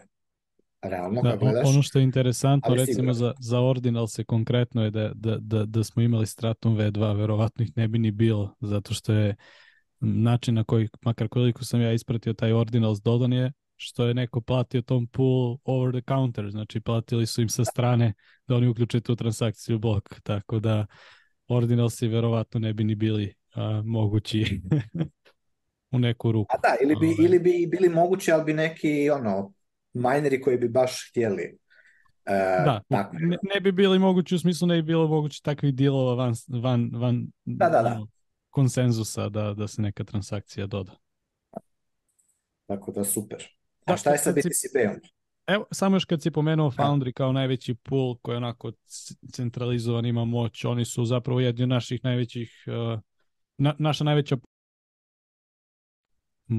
uspio sam sam sebi mute. Ovaj, oni su bukvalno ono baš uh, imali tri developera su nam poslali koji su ono stvarno bili nam od pomoći da, da, u testiranju, u razvitku tog softvera, tako da ovaj, dali su jedan mali grant jednom od baš developera, s naše strane koji je razvio Job Negotiator, tako da to je verovatno neki hint da da Foundry kao najveći i najopasniji pool ovaj, zapravo ima neki, neki incentiv da da, da implementira Stratum V2. Ja se nadam da ćemo možda njih imati kao prvi pool koji će implementirati Stratum, ako se neki manji ne nađe. Ali još uvek nije tu software, možda za, za koji mjesec će biti. A BTC Ah, da. Što se BTC Pay-a tiče, ovaj, pa da, ja sam nekako uspio da kao PM spojim dva relisa u jednom danu i onda da izginem juče. Ali tako se nekako pilo slučajno. Pa da, BTC Pay kao BTC Pay. Ovaj, mi smo izbacili novu veću verziju softvera 1.9. Ovaj, BTC Pay je, ko ne znam, sad ne znam, ovaj, da ne bude da mešamo stratom i BTC Pay pa da ljudi misle... Pa daj mali da, overview i BTC Pay-a ujedno sad. Evo, ja sam, ja sam pravio neku prezentaciju u Hubu u Beogradu, pa je ta prezentacija, mislim, isto na kanalu, tako da, eto, možda neko koga zanima BTC Pay možda da baci pogled. Tu, tu je baš onako sat vremena smo. Mislim da je to prethodni video, Nikica, ako se ne varam, je li tako? Je, je, je, to je zadnje. Eto, tako da, ako nekog zanima, evo, ukratko, to je... E, payment procesor koji je open source i besplatan, tako da svako može da prihvata Bitcoin onako kako želi bez ikakvih provizija, um, tako da pogledajte najbolje taj video pa ćemo, um, naj, najbolje će ta prezentacija ja mislim staviti u kontekst zašto je BTC Pay zanimljiv ljudima. A, ono što smo mi izbacili recimo ovaj juče je najbitnije, mislim što dosta ljudi je htjelo da vidi je integracija sa exchange tako da Bitcoin koji vi kao trgovac zaradite možete da ga prodate na exchange do sada je to uvijek bilo moguće manualno zato što je taj, bit, taj wallet koji ste vi imali svakako ste ga bio i u vašoj kontroli, jel tako, ovaj, preko BTC Pay, ali sada smo malo dodali mogućnost da to malo lakše ide, da ne kažem skoro automatski, gdje ćete Bitcoin koji ste zaradili preko BTC Pay-a, deo ili u celini moći da prodate preko integracije sa, sa raznim berzama, odnosno menjačnicama. Prva u nizu je Kraken, Znači, nadam se da ćemo u budućnosti razviti još tih plugina i dodati podrške za, za, za još te exchange-ove. Tako da, eto, znam da Pavel nije za prodaju BTC-a, ali ovaj, ima, eto, neki merchant i to da bi otplatili svoje troškove nekada moraju da rade, pa onda ovaj, eto, mogućnosti za njih da, da mogu da prodaju Bitcoin. tu ima još nekih, ovaj, dosta nekih dodatnih a, recimo manjih e, poboljšanja, manje zvučnih, recimo dodali smo poboljšanje za point of sale aplikaciju, olakšali malo to NFC plaćanje sa karticama ili preko telefona, malo još e, sredili e, naš checkout stranicu, odnosno onaj QR kod koji vidite kada plaćate Bitcoin, tu smo dosta nekih inovacija stavili. Ja mislim da je najbitnija ona inovacija koja u jednom stavlja Lightning i on-chain u jedan QR kod, tako da vi kao korisnik ne morate da razmišljate u šta je ovo, nego volete odlučiti o tome kako će se platiti ta transakcija. Znači, abstrakcija dosta velikog broja kompleksnosti u jedan relativno, da kažem, lakši user interface, odnosno, pa da, lepši, lepši user interface. I, I, tako, eto, bilo je možda podrška za BIP 329, odnosno standardizacija tih transakcija. Znači, e, to je, to je zanimljiv problem. Znači, vi ako imate wallet i taj wallet vam omogućava da sad vi označite transakcije preko različitih onih labela, odnosno nalepnica. Sad ja recimo pošaljem Nikici i sad da bi znao zašto je ta transakcija, stavim label Nikica, platio sam pivo recimo i svi volet, dosta voleta ima podršku za to, ali sada kada ti menjaš volet, ne postoji mogućnost da ti te sve svoje label, odnosno te neke metadata podatke preneseš sa sobom na drugi volet i što je stvarno glupo, ali ako sam ja sad ono, krenuo sa jednim voletom i cele godine se trudio da i zbog privatnosti, ali i zbog neke svoje organizovanosti, recimo potrošnje, označim sve te moje transakcije, onda jednostavno gubim tu mogućnost u, u, u drugom voletu. BIP 329 zapravo daje mogućnost da standardizuje na jedan način sve te sve te podatke u, u novčanicima i da omogući tu interoperabilnost između tih podataka. E, mi smo dodali podršku za to, tako da sada nadam se da će to biti signal i ostalim voletima da, da malo ovaj, šta ja znam, krenu, krenu da razmišljaju o, o o nekakvoj interoperabilnosti sa, sa drugim voletima. I to je u suštini neke ono najosnovnije stvari. Ima tu još par nekih sitnica, ali to su onako nekako možda najzvučnije stvari u, u ovoj verziji BTCP. I da, eto, e, kad si već šerovao, da, imamo mogućnost da se projekat podrži preko open source, open sets fundacije, i imamo i mi svoju fondaciju za ono malo veće korporativne entitete ako su zainteresovani da nas podrže, a ako ste običan korisnik koji koristi BTC Pay, to odete na Open Sets, imate donate i ide to u njihov fond, a oni to nama onda nam dalje prosleđuju. Pa odlično. Super, da. Ovoga, ovaj, ovaj BIP mi je interesantan, jer ja s tim nisam ni ovoga nekako sam propustio to, ali da, i mene to žicira kad stavim labele na nekom walletu pa onda ono kako se često igram s tim, pa isprobavam ove Sparrow, Spectre i to svudje možeš ono labela, to kad ga učitaš negdje drugdje, onda nema ništa od, onda ponoviti labeling. Ono. Da, super. Ovoga, Šta, šta još imamo? Jel nam ti, Pavle, možda znaš nešto da te sad zagnjavimo? Iako znam da si bio u, e, u, ovoga, u gužvi, pa ne znam koliko si pratio ovo, ovo ovaj hierarchical channels od Lightninga. To nam je jedna od vijesti koje smo htjeli ovoga pokriti ovaj tjedan. To sam vidio da je dosta ljudi na Twitteru e, vrlo pozitivno su reagirali na, na, na, ovoga, na to, a E, ja moram priznati, ne znam previše o tome.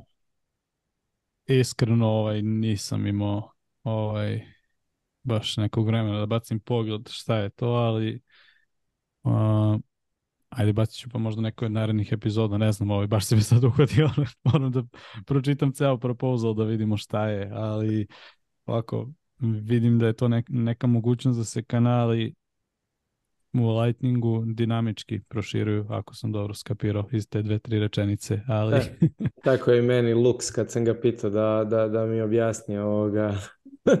Ukratko, točno je on to rekao. Ovoga. Vidio sam da uspoređuju da, da, da, da bi to trebalo biti kao e, što je Lightning Network napravio za Bitcoin kao u vezi scalinga, da bi tako ovo trebalo napraviti za Lightning Network u vezi scalinga, tako da je to očito big deal, ali da, out of my league, ja nekako rekao. ja mislim da je ovo bukvalno za, za svakoga previše, ali ovaj, um, sve što, što reši problem tih kanala, likvidnosti i, i tako dalje je svakako nešto što je bitno. Možda ja ne bih htio Reći, Izvoli, Htio sam reći na ovu temu,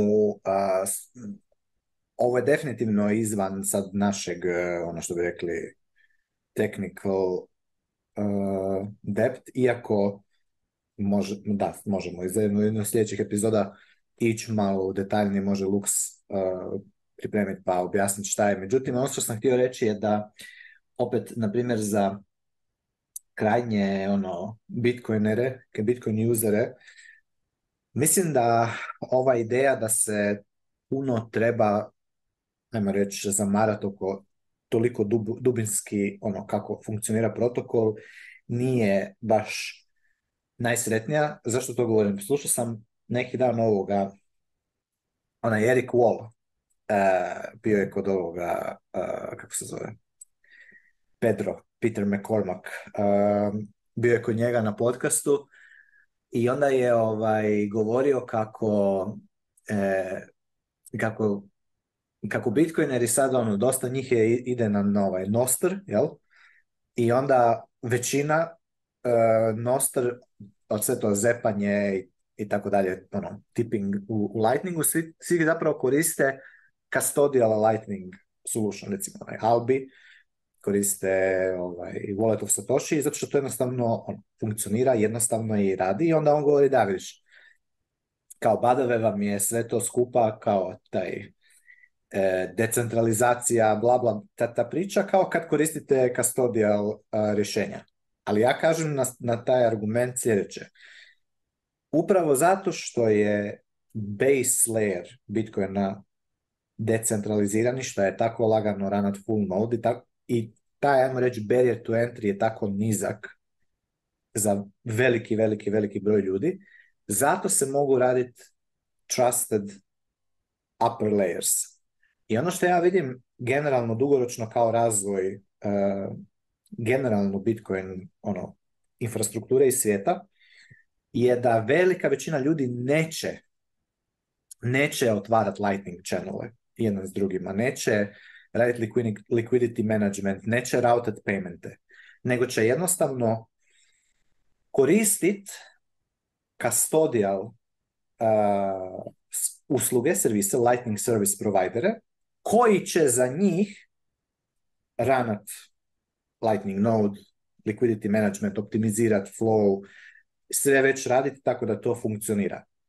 I zbog toga što će competition između tih Lightning service providera biti tako visok zato što je barrier to entry za nekoga ko se za ovakve stvari interesira full, nizak, zato će, i zato što nema incentiva za nešto što se zove fractional reserve banking, ti nećeš izdavat token za Bitcoin, nego ćeš jednostavno imat full reserve banking, jer sve ostalo ti je ekonomski nepovoljno za tebe, jer možeš u svakom trenutku imati bank run. Zato, zato nećemo mi vidjeti Eh, probleme sa tim eh, da će sad neko, sa centralizacijom, ako recimo imaš neki veliki lightning, no recimo zato ja, zato ja volim preporučiti ljudima, evo baš sam jučer frizerku onboardao na, na, na Bitcoin, na wallet of Satoshi, kao prvi wallet. I rekao sam je doslovno ono, kao što wallet of Satoshi kaže, možeš, oni ti ne, oni ne žele za tebe držati više, mislim da je više od 5 BTC-a, ali ono, eh, dok ona dođe do toga da, da, da ima nekakav veći stek i dok ono, konvertira veću štednju, definitivno će ići na, na drugi self, ono, self custody wallet, ali opet razlog zašto wallet of Satoshi neće, nema incentive da te rag pula je zato što je Bitcoin base layer i Lightning infrastruktura decentralizirana. To ne znači da mi svi, da svaki individualni korisnik uh, Bitcoina eh, mora ono, eh, ono otvarati lightning channele i, i, i, mislim može naravno ako hoće, ali nije to nužno da obavi onaj svoj posao. Znači, hoću reći, mi da i nema opće lightninga kao scaling solutiona, da samo imamo Bitcoin on-chain takav kakav je sad i kakav je bio prije 8-10 godina, to bi bilo dovoljno da se cijeli svijet prebaci na, na, na Bitcoin i da svaka, da, da, da jednostavno umjesto da imaš 200 centralnih banaka, jednu veliku mega centralnu banku, američki Fed i Bank of International Settlements, da imaš desetke tisuća manjih banaka koje se međusobno setlaju on-chain uh, jer imaju tu visoku prostornu utrživost sa Bitcoinom. Znači, nije problem, to, to sam samo htio reći, ako neko ko ovo gleda, onda kaže, ok, meni sad ovo nije jasno šta sad, da li ja moram ono, otvarat lightning, e, da ja moram kužiti sve kako to funkcionira da bi koristio Bitcoin, ne, ne moraš. Bitcoin radi, funkcionira, jednako kao što ne moraš ono, ne moraš ti biti aeronautički inženjer da bi sjeo u avion i letio avionom. Ne moraš biti ono, auto inženjer da bi, da bi kupio auto ili iznajmio i vozio auto.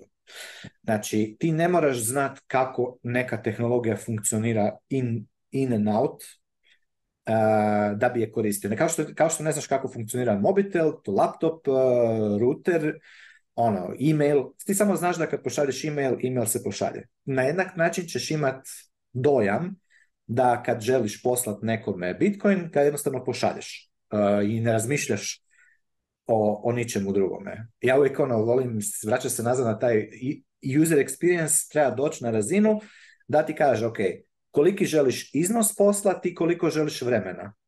E, koliko, vremena, znači trebaš imati samo dve skale, iznos i vrijeme. Znači za veći iznos će mi biti, ako, ako želim veći iznos poslat, u kraće vrijeme to će biti skuplje nego ako želim taj isti iznos poslati za duže vrijeme a wallet bi trebao sam u, u backgroundu odlučiti šta će napraviti, hoće napraviti on-chain payment, hoće napraviti lightning payment, hoće napraviti šta će već biti u budućnosti, Fedimint, onaj cash. Moramo jednu epizodu napraviti za ovaj cash, to sam vidio, kako se zove ona. Uh, eh, to je Da, eh, da, već ima nekakvi ono, ono stvari gdje se možeš probati igrati s tim, nisam još probao, actually, sam izletila je par puta ono u feedu, ali hoću reći, to su sve ono pravci u kojima se Bitcoin razvija i ovaj, kažem, ovaj argument koji, koji ovaj kaže da, da zapravo Bitcoineri nisu pravi Bitcoineri, osim ako ne ranaju svoj uh, Lightning node i, i ranaju ono non-custodial, znači odnosno self-custodial i ono manager liquidity, e onda to nije, to nije pravo, zato što ljudi koriste Wallet of Satoshi ili Albi ili neki drugi custodial Lightning service. Ja mislim da to je false argument, zato što generalno jednako, ka, kažem ti, jednako kao što, ili ono, be your own bank, sad svako će biti svoja banka, neće svako biti svoja banka, jednako kao što neće svako biti svoj automehaničar, ne, kao što neće biti svoj, ne znam, eh, kompjuter, eh, ono, inženjer. Ne mogu ljudi sve biti sami sebi, nego ljudi samo trebaju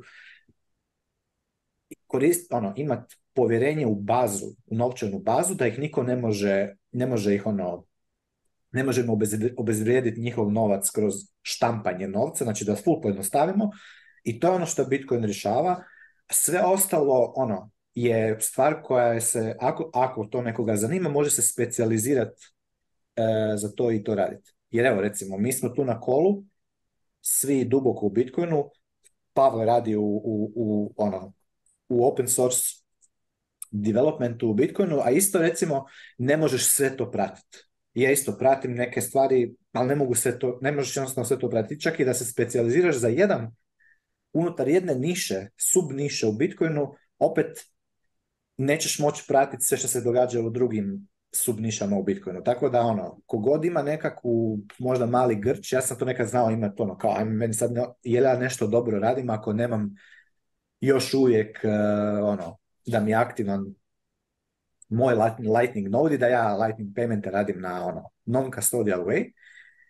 E, realno nemojte se oko toga sekirati. Jednostavno koristite ono što je dogodi servis Bitcoin only, jel? to vam može biti uvijek signal da je rug pull je praktički, skoro pa praktički nemoguć više, najviše zbog tog game teorijima i ekonomskih incentiva. Jednostavno, nema incentiva da vas neko koji je Bitcoin only rag pula ehm, zato što koristite, ne znam, Custodial Lightning Wallet, kao što je Wallet sa Satoshi. Ali to sam, ono, to sam samo htio napomenuti, ehm, da kad gledamo ovakve ono, kompleksne tehničke developmente u, u Lightningu i ako vam to odmah nije jasno šta se tu dešava, nema problema, vi dalje možete koristiti Bitcoin, možete igrati se s Lightningom i ono, go ahead i do it. Ima, ima tako super dobrih rješenja i generalno custodial rješenja imaju user interface koji je puno brži i jednostavniji, naravno imaju svoj trade-off, ali dok vi dođete do toga da vam je taj trade-off relevantan, ćete već razumjeti zašto vam je relevantan i već ćete imati rješenje za, ano, za riješiti to šta vam treba. Znači, postoji, postoji razlog zašto recimo e, ćete koristiti BTC Pay server umjesto, na primjer, OpenNode. OpenNode je puno lakši i brži za instalirati, staviti, ne morate se brinuti oko ničega, on jednostavno će raditi, ali ako recimo želite prihvatiti e, payment iz Rusije, e, tu će već biti problema zato što će vam vjerojatno, ne znam, IP adresa da morat će nekakav turn ono, workaround raditi. Plus što je, to je custodial service koji ima čak i link sa, sa, sa, sa fiat svijetom. BTC Pay server to nema. A opet sad recimo u ovome, u ovom release će, ima, ima plugin da se može connectat, odnosno da se može Bitcoin poslat na exchange i onda se na exchange može konvertirati u fiat, što opet exchange ima dotice sa fiat svijetom. Generalno mi se ne možemo isklju, skroz isčupati iz svijeta, barem ne još, još po meni dugo vremena, ali, ovaj, ali je super da smo svjesni da se stvari razvijaju u tom smjeru i da će infrastruktura za 10-15 godina sigurno biti puno, puno bolja i da će jednostavno ljudi koristiti Bitcoina da ni ne znaju uopće da ga koriste ili da, ono, kako funkcionira u pozadini. Kao što danas koriste masu ono, softvera i servisa i uređaja, di jednostavno, će neko sad znati, koliko mu ljudi može objasniti kako actually funkcionira SMPT, ovaj, Simple Mail Transfer Protocol, ko? Ajde, objasni mi. Kako, kako, kako Gmail e, i ne znam, Yahoo mail, kako oni međusobno komunikaju, kako to da mogu poslati sa Gmaila na Yahoo ili na ovaj Hey ili na koji god već, Hotmail, i kako to da to, kako oni kako to radi u pozdini. To jako mali broj ljudi zna objasniti, a opet velika većina ljudi danas je barem jedan put u životu poslala e Tako će isto doći vrijeme kad će velika većina ljudi e, na zemlji ono, poslat Bitcoin jedni drugima, ali neće znati actually objasniti kako, šta se događa u, pozadini, u, ono, u To je moj rentić mali. Da, ne znam kad smo, šta pa da, evo, još sam taman nekako nastavno na ovo o čem si ti pričao, ne znam jeste vidjeli park da je ovoga Park live od jučer, ja mislim, to je od onog David Markusa, to je onaj ex Facebook, odnosno Libra, on je, on, je, on je bio voditelj Libra projekta za Facebook, ako se sjećate općenito, ne znam, za slušatelje ko to možda nije ispratio, jer je to bilo prije nekoliko godina, ipak da je Libra, da je Facebook htio ovoga napraviti nekakvu svoju kriptovalutu koja, koja se trebala zvati Libra i da je, da je Zuckerberg završio tamo na e, saslušanju u Senatu i da je taj projekt napušten, ali mislim da prije nego što je općenito projekt napušten, to jest oni su prodali projekt nekoj manje komercijalnoj banci, ali ajmo reći da je to bio veliki fail, a mislim da je ovaj David Markus otišao još prije toga i on je ubrzo shvatio da Bitcoin jedan ima smisla u cijelom tom kripto spaceu pa se bacio na Lightning eh, Network Development i sad koliko ja ovaj o Lightning o ne znam previše, ali ovoga, nešto sitno što sam uspio pročitati je da ovoga, oni zapravo pokušavaju konkurirati Stripe-u, eh, ne Strajku, nego stripe koji je ovaj ne znam kak bi uopće njih nazvao, internet native eh, payment protocol payment platform. Mislim, mislim da Stripe danas powera gotovo sve ove eh, web shope i, i većinu e-commerce, eh, većinu e commerce i ovo je nekakav način da se mm, da se Lightning ubaci u taj, ne znam sad, evo, ako pročitate tu njegov tweet, kak je on to on, on to je najavio da ono internet badly needs an open payment protocol i, i ovo, je, ovo, je, ovo je nekako njihovo rješenje da, da do toga dođe.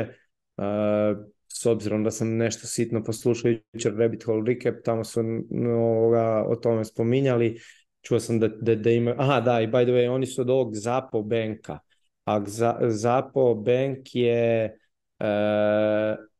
Uh, onaj, Mm, Zappo firma je od Vencesa, da, od Venceska Seresa, da, njih je, ja mislim, kupio, odnosno dio te firme je kupio Coinbase i ja mislim da je iz tog sveg nastao ovaj zapo Bank, iako nisam 100% siguran, ali uglavnom ono, to, je, njihov kao partner e, u real worldu koji bi im trebao e, raditi spoj tog fiat svijeta i, i, ovoga, i Bitcoina, odnosno i Lightninga, ne zna se još da li oni omogućavaju isključivo Lightning, s obzirom da je ovo prvi public release, ne zna se da li oni e, omogućavaju ono što Strike omogućava, to je slanje dolara putem Lightning networka ili će se ovdje samo raditi o Bitcoinu.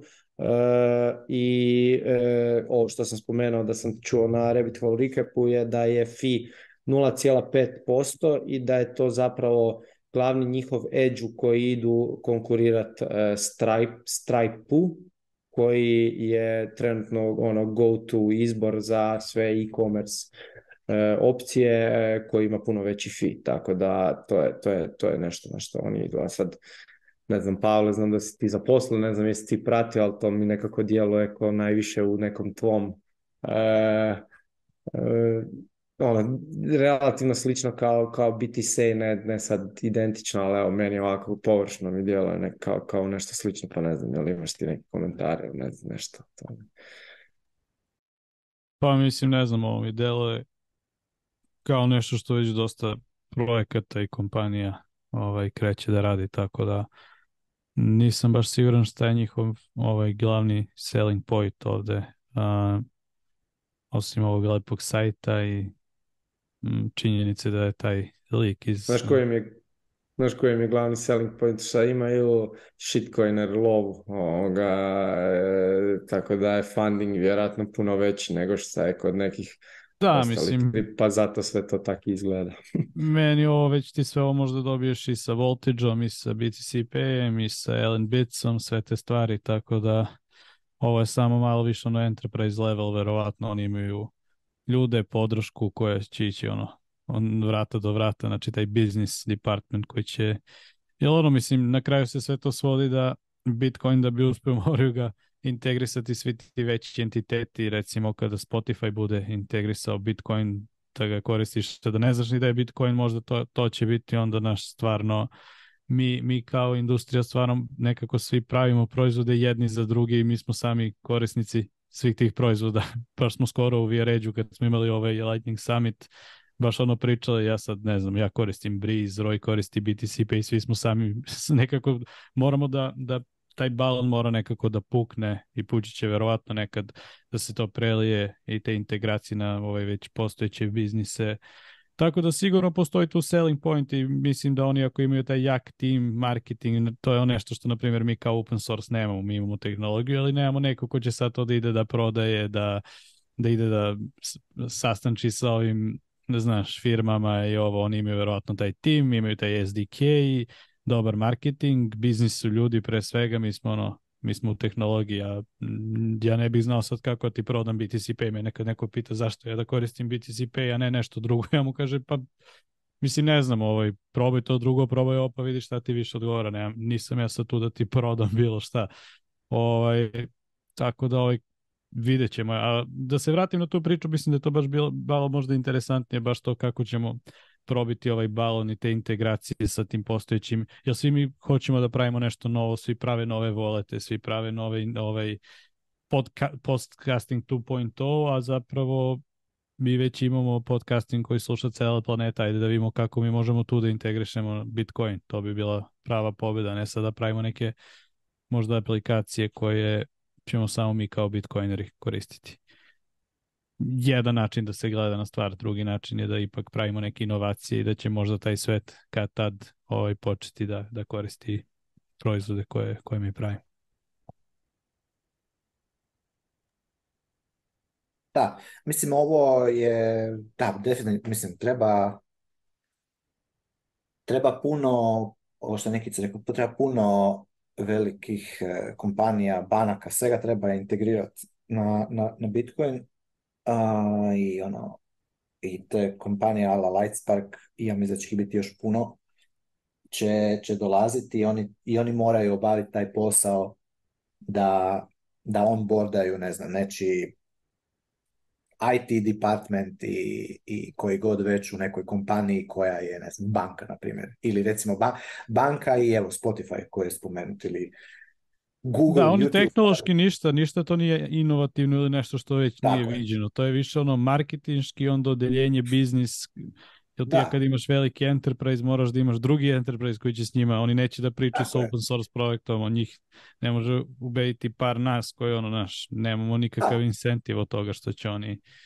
Tako da te, tehnološki gledano nije ništa wow, tako da, da meni je to, to je već neka gotova infrastruktura koja je lijepo zapakirana i lijepo prezentirana, ali je i to, ali hoću da je to isto bitan posao koji se, kako god okreneš, mora ga neko odraditi. Neće ga, kao što si ti rekao, neće ga odraditi open source developeri zato što to nije njihov posao, ali da bi recimo mogli streamat uh, eh, Satoshi na, na primjer, na Spotify-u, koji već ima ne znam koliko milijuna korisnika, from Spotify app, to omogući da to radi, da to ljudi, da, da otvoriš ono od ne znam koliko novih e, ljudi koji će se na taj način on, on na Bitcoin, to neko mora napraviti. A opet je to dobro i za open source developere, zato što kad se uključe te velike ono, enterprise kompanije u to se skupa, pa im zatreba, odnosno žele nešto, odnosno vide na, na, na tim milijunima korisnika kako se nešto ponaša, to je onda input za open source developere da, ono, da ne, ono, kako da naprave poprave ili feature neki novi ili šta već. Znači, realno, e, recimo ovaj cijeli koncept value for value, to da, mi sad to testiramo i mi to radimo, evo ja sam isto sa ovim safety mi smo to stavili ovaj fountain tamo i to se skupa, Međutim, to je sve, to još tako, ono, to je tako još mlado, ono, kad ti gledaš, ti vidiš nekakve, ide, ono, ali al nemaš ti tu još ni blizu mainstream eh, adoption, niti, niti mainstream koncept, da ti recimo imaš uh, podcast gdje ti šalješ novce dok slušaš taj podcast u tom podcast kreatoru, koji onda možda splita te novce sa ljudima koji su sudjelovali u kreaciji podcasta. I obrnuto, kako to da ti možeš dobiti novce za to da slušaš neki podcast? Znači, to su ideje koje su totalno, totalno strane 99,9999% ono, populacije trenutno koja sluša podcaste, a poznate su ono, ni, subniši Bitcoinera trenutno. A od te točke gdje smo sada do točke gdje dođemo da praktički ono, većina ljudi koja sluša podcaste ili audiobookove da im je ono sasvim normalno streamat, e, novce ili primat novce dok slušaju, dotle treba doći, treba još puno, puno, puno, puno posla i ovo je jedan od načina kako se taj posao obavlja. Da imaš jednu kompaniju koja to sve lijepo stavi u jednu slik, finu prezentaciju, ide u druge kompanije koja i nudim viš taj recimo Light Park, to je ono 3000 dolara mjesečno, 9000 dolara mjesečno košta to, u biti košta taj njihov support da ti oni objasne kako da ti možeš, kako da integriraš Lightning u svoje, u svoje poslovanje i, i čuj, to treba, to će, ja mislim da će trebati još dosta vremena da se to sve izgradi, ali to samo znači da je ono, da smo early, early, rano, rano, rano u Bitcoinu i da je to, da je upside još, ne možemo ni zamisliti koliki jel kako se bude, kako se budu ono, kako bude sve to sazrijevalo i kako bude lakše za koristiti. I ono, jednostavno, e, mene ovakve stvari su samo mega bullish kad vidim da se, da se to razvija. Samo prije par godina je recimo ovo, Lightning je bilo, znaš, super giki uopće da neko, da neko ide nešto probavati. Ja se sjećam kad sam slušao podcaste 2018. Ono, ne možeš ti, mogu si poslušati sve, sam kontent na temu Lightninga i opet, e, ono, nema, nije ga bilo toliko. Danas ne možeš više, ja ne mogu više pratiti se, kakve sve kompanije samo postoje u, unutar e, ono, Lightning networka i šta se sve razvija. Jednostavno ne možeš pratiti.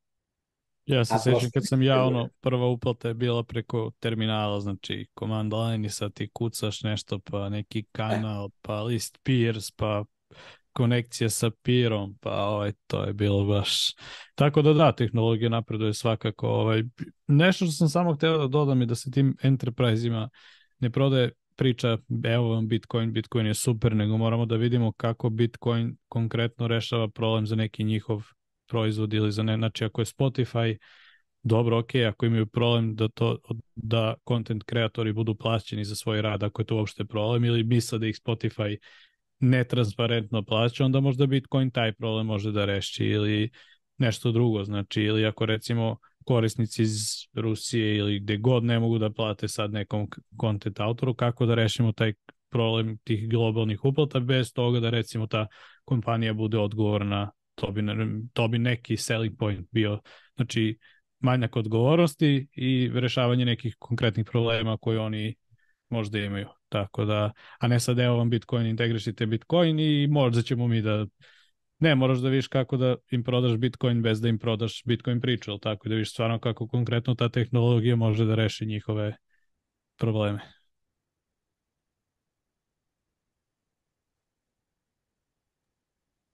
Odlično.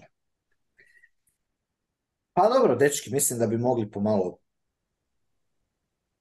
privoditi kraju. Dva sata smo. E, Hoćemo da samo pustimo najavu za, za meetup. E, to sam ja htio reći. Bravo, Ajde, Nikica, pa. onda rok. Ne, ne, ne, ti, ti, htio sam tebi prepustiti. Vi ste ipak domaćini tamo. Pa. Dobro, da. Ovaj, ček samo datum, nisam siguran da ne lopim nešto. Um, Weekend 28. do... 28. Da, evo ovako u Beogradu ćemo napraviti meetup gdje će Pavo, Nikica, Luks i možda još neko ovaj, iz Hrvatske doći u Beograd da posjete Bitcoin Hub, da se malo družimo, pravit ćemo neke prezentacije, neke aktivnosti, bit će najava tome, ja se nadam, ne znam kada će podcast biti pušten, ali mislim da će danas u toku dana Uglješa ovaj, na grupi staviti, staviti ono listu koje teme će biti. Znači u petak smo planirali eto neku večeru kao dobrodošlicu vama kao gostima negde u Beogradu, nešto lagano pošto ćete vi verovatno isto biti umorni od puta, onda u subotu možemo u prostorijama Haba eto snimiti možda live podcast, neki panel, šta god.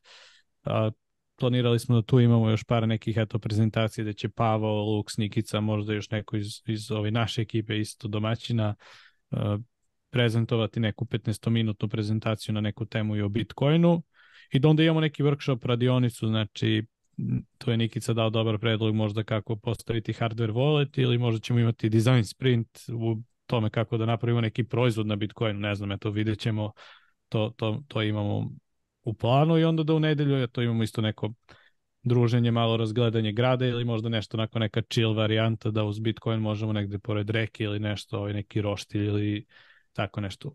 Ovo je sad onako, nisam baš strukturisao, strukturisao kako treba, ali uh, Uglješa će postaviti na, na Telegram grupu plan, pa ćemo se o detaljima dogovarati. Ako je bilo koji iz Hrvatske ili ne zainteresovan da dođe, ajde javljajte se u grupi u Meetup kanalu i da, da, da, ajde da se družimo, ovaj, tako da se nadam da ćemo jednu od epizoda snimiti, evo, mi smo ove mikrofone ja ga sad imam ovdje kod mene, ali nadam se da zvuči ok, tako da eto, na, malo smo obezbedili opremu što se tiče podcasta, pa se nadam da će malo i kvalitet produkcije biti na, na višem nivou kad, kad dođete. Super.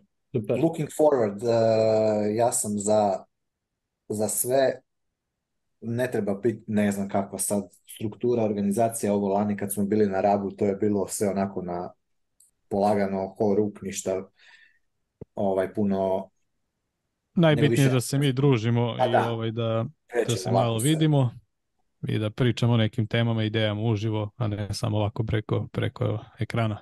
Tako da eto, pozivi svima koji slušaju ovo na YouTube, Spotify ili gdje god, otvoren je poziv svima, stvarno neće biti nikakvih Biće limita možda u smislu koliko ljudi ćemo moći da smestimo u prostor za prezentacije ili to, ali nadam se da je to svako ko je zainteresovan neka dođe na Telegram da nam, da nam se javi i bit će svakako plan grupe već u, dok ovaj podcast bude objavljen bit će već ja mislim plan, da. i program ovaj, uglješin o, tome tako da vidimo se nadam se uskoro Odlično. Dobro, znači ništa, vidimo se mi na podcastu sljedeći tjedan, ovo će danas 14. nadam se da ću to uspjeti uploadati, mislim da da. I, i ajde, stojite dobro i čao, čao. Pozdrav. Pozdrav.